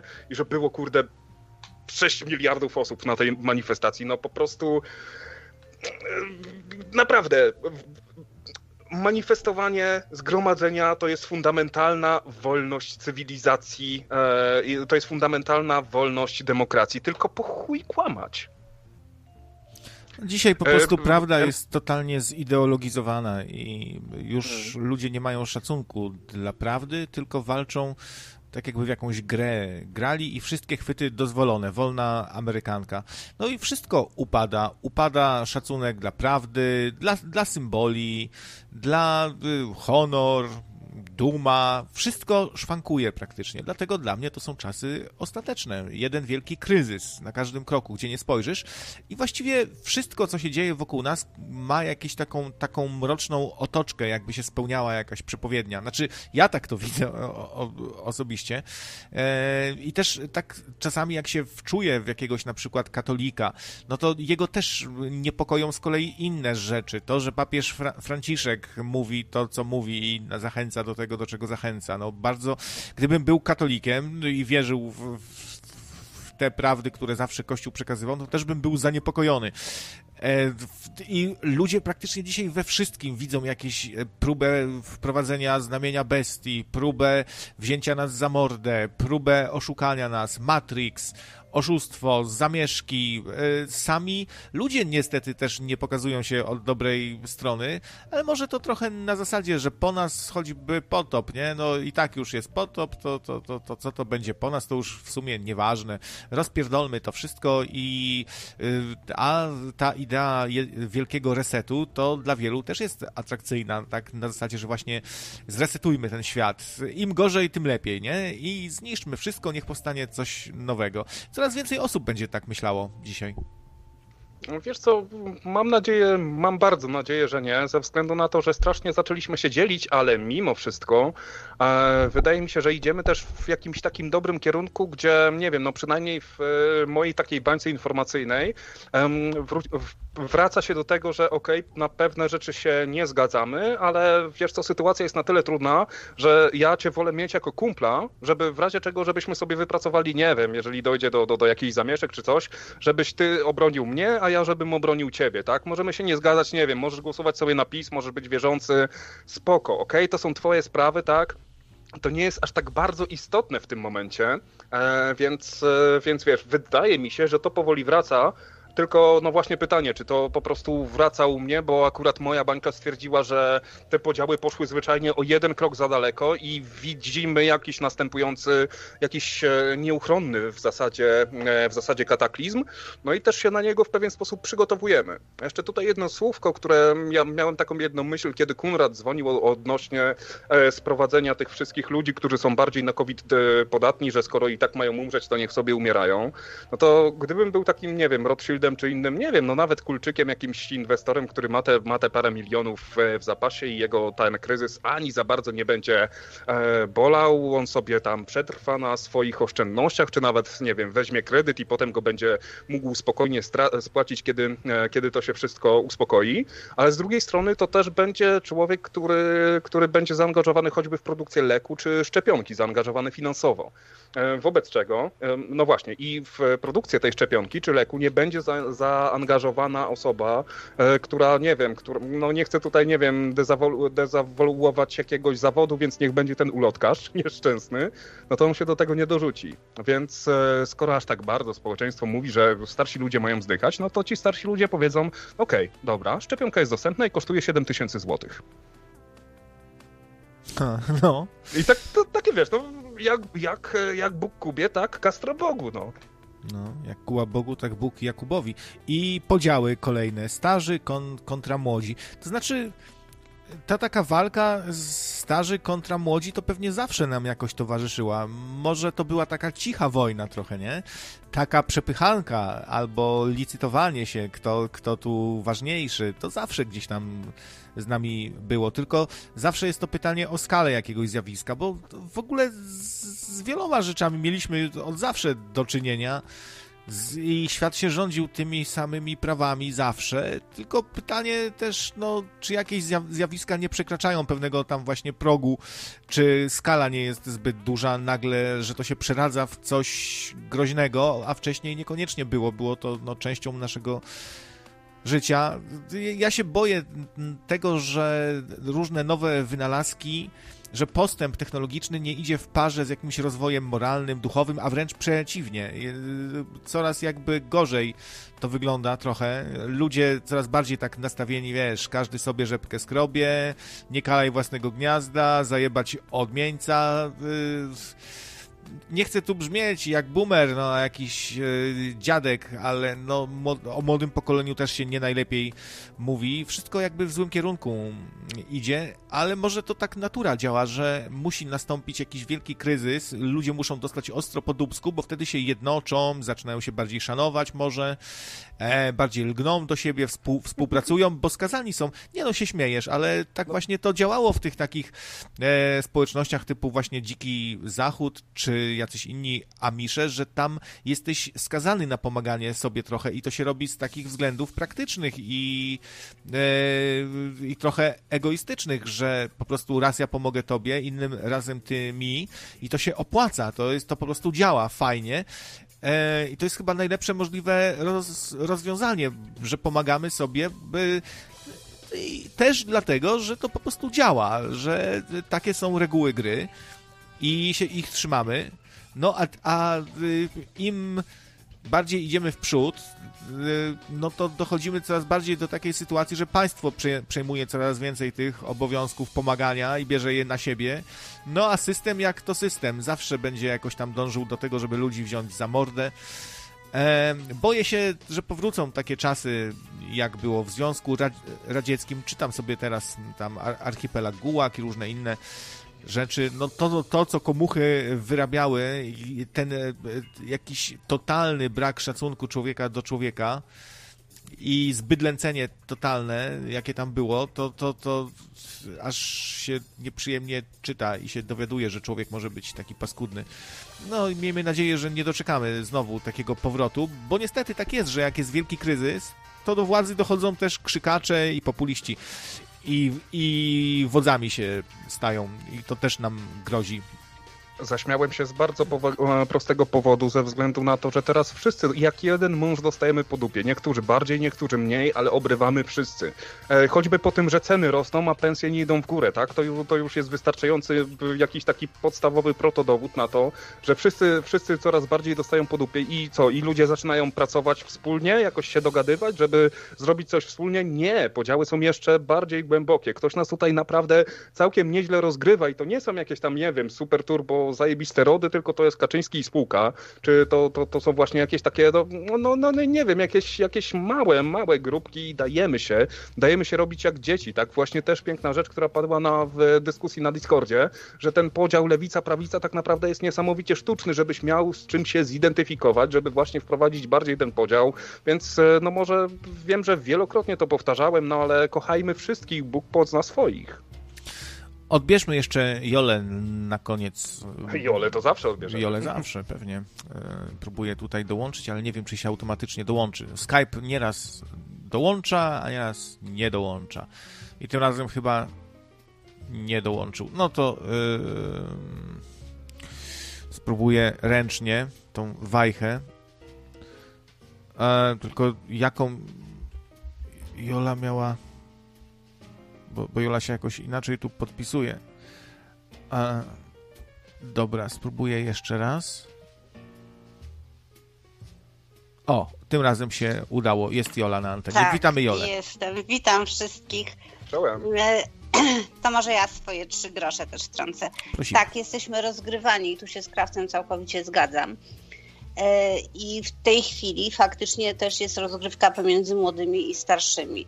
Ale e, może tak nudnie powiem, jak nie wiemy o co chodzi, to chodzi o pieniądze. Ten kryzys i to wszystko było przygotowywane już od bardzo dawna. E, Między innymi świadczy o tym to, co się działo, jeżeli chodzi o złoto. Od 2008 roku, kiedy nasi finansjerzy e, zorientowali się, że stracili e, władzę nad gospodarkami e, i nie, jest, nie są w stanie dorzucić pieniądza na rynek, w związku z tym gospodarka zamiera. A wszystko, co dodrukowują, idzie do bańki spekulacyjnej.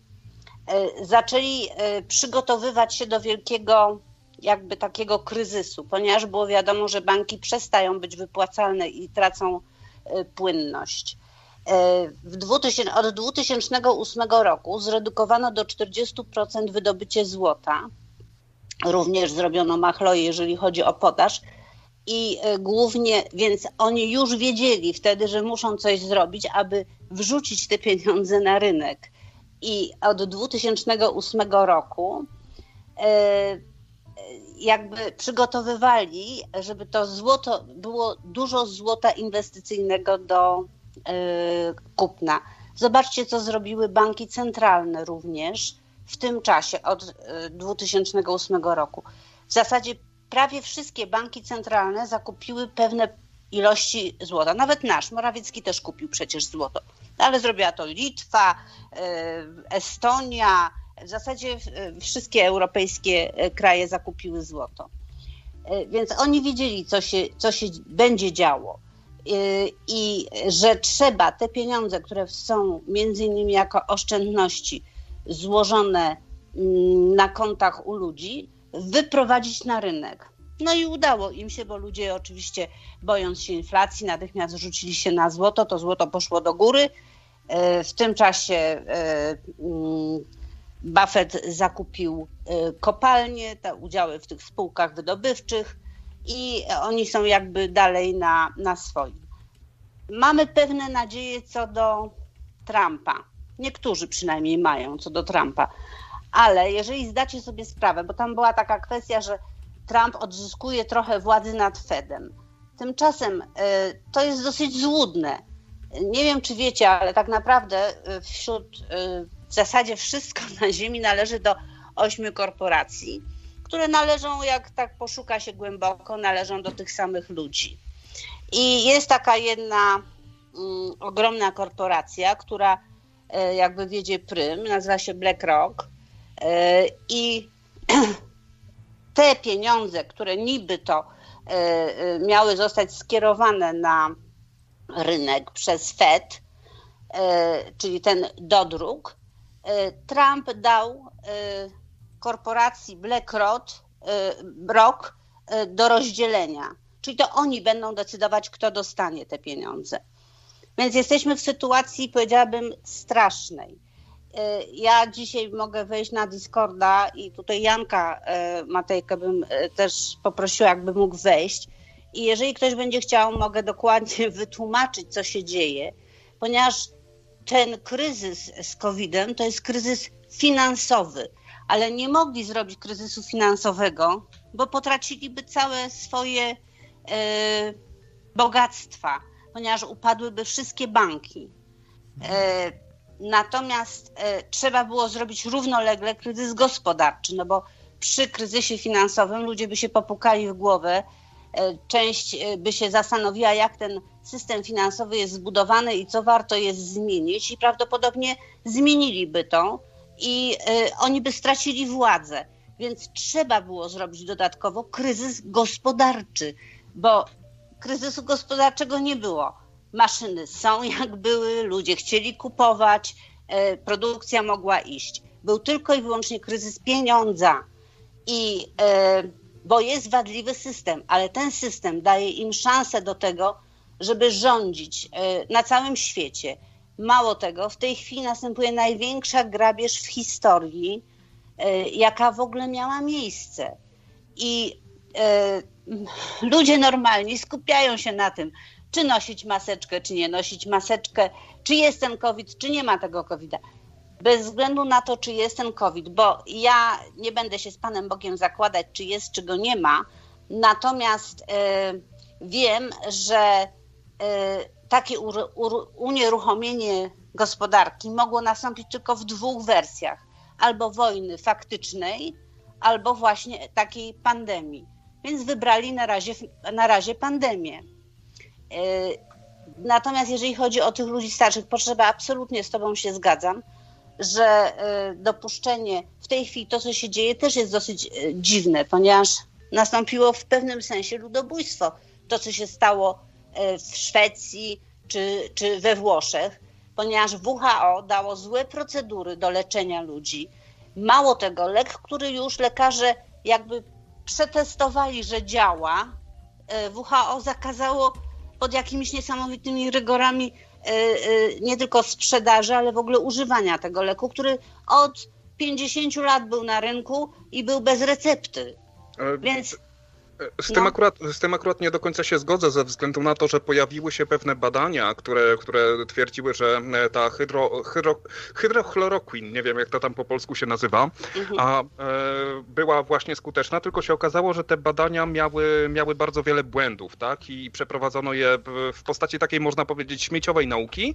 I w momencie, jeżeli e, publikujesz jakieś swoje odkrycia, to wówczas dzieje się tak, że na całym świecie ludzie próbują, używając metod, które opisałaś w swoim swoim badaniu zrobić dokładnie to samo. I się okazało, że e, to nie działa, tak? I problem, który się pojawił właśnie w Stanach Zjednoczonych, to jest to, że ta hydro, hydrochlorokina jest używana do czyszczenia akwariów i było e, bardzo dużo przypadków ludzi, którzy właśnie kupowali sobie e, ten środek, który tam był zmieszany z chlorem, z różnymi innymi śmieciami i żarli go na potęgę i trafiali do, trafiali do szpitala, bo to też, no po to jest recepta, nie po to, żeby nam odebrać jakąś medycynę, tylko że to są na tyle silne środki, które będą nam, wiesz, które nieodpowiedzialnie użyte, no zwyczajnie Czyli dlatego, że ktoś kupił sobie zły środek, zanieczyszczony, to lekarzom zabroniono w szpitalach używania prawidłowego środka, który był używany przez ostatnie 50 lat e, i nikt inaczej. nie umierał od niego. E, inaczej. E, ludzie zrobili sobie dużą krzywdę ze względu na to, że zaczęli sobie załatwiać ten środek na własną rękę. Natomiast w momencie, kiedy pojawiły się te badania, był bardzo duży entuzjazm, tylko tych rezultatów tych badań nikt nie potwierdził, że to faktycznie pomaga na covid -a.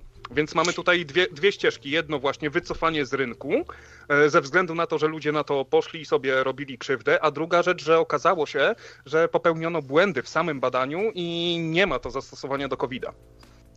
To znaczy, e, ja ci coś powiem. WH, ja nie wierzę już w WHO. Nie wiem, czy ty wierzysz, bo ja widzę, że wierzysz. Ja nie wierzę w WHO. Natomiast wierzę bardzo lekarzom, którzy mają od razu odpowiedź organizmu i są na bieżąco przy chorym. Jeżeli ci ludzie płaczą i mówią, że procedury wskazane przez WHO zabijają, nie leczą, że coś innego się dzieje, to znaczy, że, to, że Wuhan o nas okłamuje. A jeżeli teraz jeszcze nałożymy na to właśnie tą kwestię pieniądza i tego wszystkiego, co się dzieje na, na świecie, to powiem tylko dla mnie jest to wojna wytoczona ludzkości, depopulacyjna w taki czy w inny sposób. I to, co się dzieje również ze starszymi, tutaj jakiś tam Chińczyk czy Japończyk, nie wiem, bo nie znam tych hieroglifów, e, wiesz, pisze, że staruchy niech zdychają i tak dalej.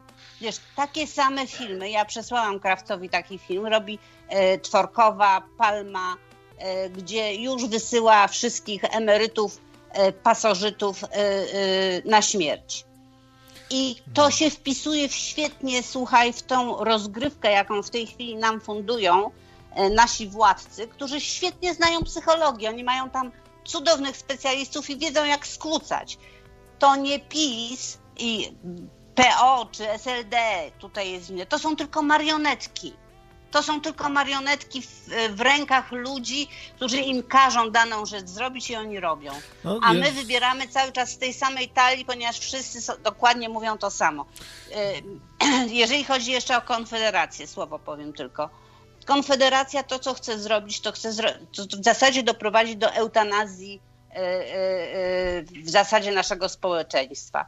Bo E, przy tych założeniach finansowych wystarczy wziąć kalkulator i zobaczyć, że e, przy nośnych hasłach wolnościowych, do, z którymi się wszyscy identyfikują, przy walce o to, aby Polska była Polską, są niesione równocześnie rzeczy, które całkowicie e, tworzą z nas e, społeczeństwo kastowe, e, analfabetyzm, E, brak możliwości korzystania e, z mm, opieki zdrowotnej, czyli cofamy się w ogóle, jesteśmy takimi robolami, niewolnikami. Więc Taki... jeżeli ktoś chce, ja, ja dzisiaj, ja już jestem na Discordzie, możemy podyskutować na Discordzie e, na ten temat, żeby nie, nie, bo radio jest jakby bardziej taką anteną rozrywkową, jak, jak sami mówicie, i ja sporo rzeczy wyjaśnię. Zapraszałabym e, Janka Matejkę, bo on to powiąże od razu świetnie z historią i z rodami. Dodałem no. świeżutkie zaproszenie na Discorda. No tu już nie, niektórzy deklarują, że z chęcią wpadną. Możecie wpaść i posłuchać sobie tylko, a możecie też e, brać udział w dyskusji, możecie sobie czytać czata. Macie w opisie audycji świeże zaproszenie, było też na czacie wklejone. A ja chciałem tylko jeszcze szybciutko Jolę o jedną rzecz zapytać, e, mhm. ciebie Jolu. E, bo, no bo tak, e, do tej pory było takie prawo w Polsce, że jak są jakieś złoża i są na twojej ziemi, to te złoża należą do państwa, prawda? Tak. Teraz mhm. amerykańskie korporacje niedawno odkrywają na terenie Polski złoża złota.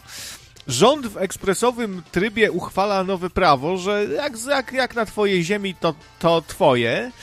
Eee, tak się zastanawiam, czy to nie ma jakiegoś na przykład związku E, z zadłużeniem e, właśnie Polski w amerykańskich bankach, e, głównie w jakimś takim banku, który Morawiecki tu sprowadził do Polski też, że to jest, że to może, że, że Masz jest, rację, no. masz rację, ale tutaj jakby tkwi w tym, że my jesteśmy zadłużani, wszystkie narody są zadłużane systemowo Taki jest system finansowy. Nie mamy szansy inaczej zafunkcjonować. I to chciałabym po prostu ludziom wytłumaczyć. Jeżeli to ludzie zrozumieją, bo nikt nie chce tych 40 minut posłuchać, czy, czy, czy obejrzeć coś, zrozumieć, jak to działa, i każdy zajmuje się tylko już samymi efektami. A my w tej chwili, jako ludzkość, powinniśmy nauczyć się i zobaczyć, gdzie jest sedno bo jak dotrzemy do tego, gdzie jest, to potem wszystkie elementy nam się wpasowują logicznie w całość. Więc tak, masz rację. E, e, to jest rząd marionetkowy, on nic nie może.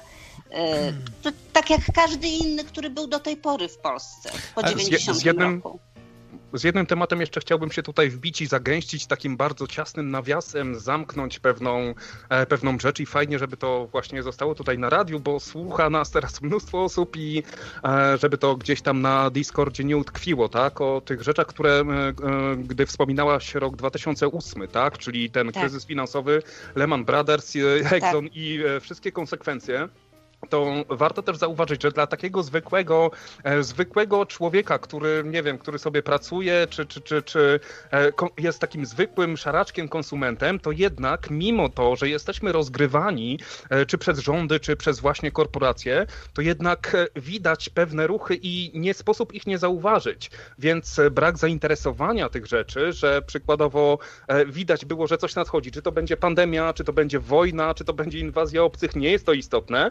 tylko że właśnie jest produkowany, e, zainżynierowany bym wręcz powiedział, kryzys gospodarczy, który był przewidywalny już od wielu, no od paru lat przynajmniej, tak? E, no Więc... tak, ja dlatego uciekłam na wieś, kupiłam kawałek ziemi, robię grządki i tak dalej, bo po prostu zdawałam sobie sprawę z tego, co się stanie. Tylko nie wiedziałam, czy będzie to wojna e, w sensie fizycznym, czołgi i tak dalej, czy, czy coś innego wymyślą, ale to było wiadomo, że coś wymyślą. To no, było tak... widać, po, po, wiesz, osoby, które. Ja, e, ja słuchaj, e, do 2008 roku faktycznie niewiele się zajmowałam polityką, w ogóle mnie to nie interesowało. E, z mężem żeśmy się zajmowali o wiele ciekawszymi rzeczami i, i to nie było jakby w moich zainteresowaniach. No niestety sytuacja moja finansowa i moja walka z bankiem zmusiła mnie do ponownego zainteresowania się ekonomią, ponieważ ja jestem po po zarządzaniu. E, I, I jakby dojść, bo próbowałam dojść do tego, co się dzieje w ogóle na świecie. Więc jakby, e, wiesz, no, te informacje się przedostają, tylko one są takie bardzo rozbite. Jeżeli ktoś y, słuchał Białka, y, o, czy czytał jego książki, y, to będzie miał jasność, bo on dokładnie to samo mówi, to samo widzi. No Więc okay. jak, jak ktoś chce jeszcze sobie do, potem doczytać, dooglądać, to polecam wpisać na YouTubie Białek, wyświetlą się filmy, gdzie on e, mówi w zasadzie dokładnie to jest to samo, co ja. No to zapraszamy na naszego Discorda, gdzie pojawi się Jola. Już tam zresztą tak. jest i może być ciekawie. No to tak, co? po audycji. Tak, no, no, no, no, właśnie kończymy teraz audycję, więc... To, Janku, ja bardzo cię proszę, jeśli możesz, to wejdź też, bo, bo to byłoby bardzo ważne. No pytanie, czy Jan ma Discorda, czy sobie zainstalował? No, można ewentualnie przez przeglądarkę spróbować, ale to różnie wtedy działa. Ja polecam aplikację sobie zainstalować. No to co, dziękujemy za... Życzę wszystkiego dobrego. Dobranoc. Trzymaj się, Olu. Cześć, cześć. Dzięki, dzięki. A mądrego aż dobrze posłuchać, nie? No, ba. Dla, dlatego ja siebie na dyktafonik nagrywam, potem sobie odtwarzam. Samouwielbienie. Jak jakiś Margot. Tak, jestem gwiazdą, wow. No to co, kończymy chyba, nie? No, kończymy i oczywiście zapraszamy na Discorda. Link został zaktualizowany na naszej głównej stronie. Tutaj Krawcow, Krawiec też coś tam wygenerował, tylko nie wiem, czy wygenerował dobrze, czy źle. Nie no, tego linka tam... od ciebie też mam po prostu. A, okej, okay, no to dobrze. I, i go wkleiłem trzeba... w opisie audycji. No i elegancko, także, e, także zapraszamy e, na no, fajnych rzeczy można się będzie za chwilkę dowiedzieć, mam nadzieję, ale e, myślę, że moje wygórowane oczekiwania będą zaspokojone. My się tymczasem żegnamy. Um, no właśnie, bez litości będzie w przyszłym tygodniu, nie w tym. Mam już temat.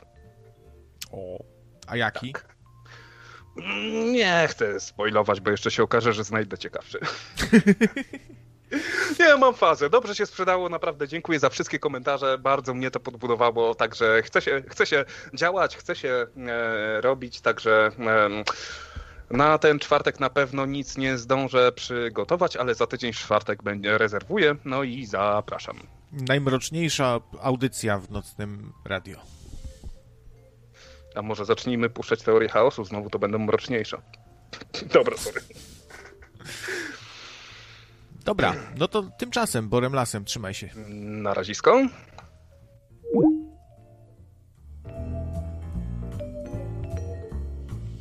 Nie bójcie się instalować Discorda, to nie boli. Trzeba sobie tylko, jak to zawsze bywa, założyć profil, czy tam potwierdzić, bo sobie wybieracie pierw jakiś pseudonim i potem trzeba go jakoś zająć, jak jesteście tak całkiem świeży i jeszcze tam nie ogarniacie. No to nie jest jakieś skomplikowane strasznie. No i potem dosyć łatwo w sumie się nauczyć. Ja tak marudzę na tego Discorda od czasu do czasu, bo jestem taki jakiś zgorzkniały. Mnie wszystko denerwuje od razu, nie? Jak coś tam nie wychodzi, coś nie działa, to, e, to się to od razu łapie nerwa. No. Tak więc może zjawię się jakoś jutro. Dziękujemy bardzo za sponsoring, za y, donaty. Y, komu? Bo to już mi zniknęło, chyba na PayPola od razu przeszło. Mm, Tomaszowi. Tomaszowi. Tomaszowi i Tomasowi. No i chyba tyle. A co jutro? No pewnie jakieś luźne gadki, jeśli w ogóle będą. Mam tutaj nadzieję na jakieś donaty, bo y, mam nowe hobby. Kolekcjonowanie biletów Narodowego Banku Polskiego. I będę zbierał, kolekcjonował. Od was. Tak, także Wpadnijcie o 21. Jak coś się u nas dzieje, to zawsze o 21. Dziękujemy za komentarze, za telefony. O, dzisiaj dużo telefonów e, w ogóle. E, aż, aż tak e, ta audycja się robi taka, że no, brakuje czasu trochę, brakuje tutaj, nie ma chwili wytchnienia, nie? Cały czas ktoś dzwoni, kto chce skomentować. Duży ruch po prostu, no ale to przybyło też słuchaczy, słuchaczek, więc więc normalna sprawa, nie? No, a w środę lewym okiem pewnie, jeśli Błażejowi się udało naprawić komputer, to będzie, bo no, była awaria ostatnio, stąd się audycja zerwała. Czwartek to też jest ten dzień, że może będą luźne gadki, może nie. Piątek, no być może czasy ostateczne. Sobota, w tą, w tą sobotę będzie z prawej strony mapy z Jackiem i Bite Eaterem. Eee, a w niedzielę spoiler. No i to chyba tyle. To do usłyszenia. Hej.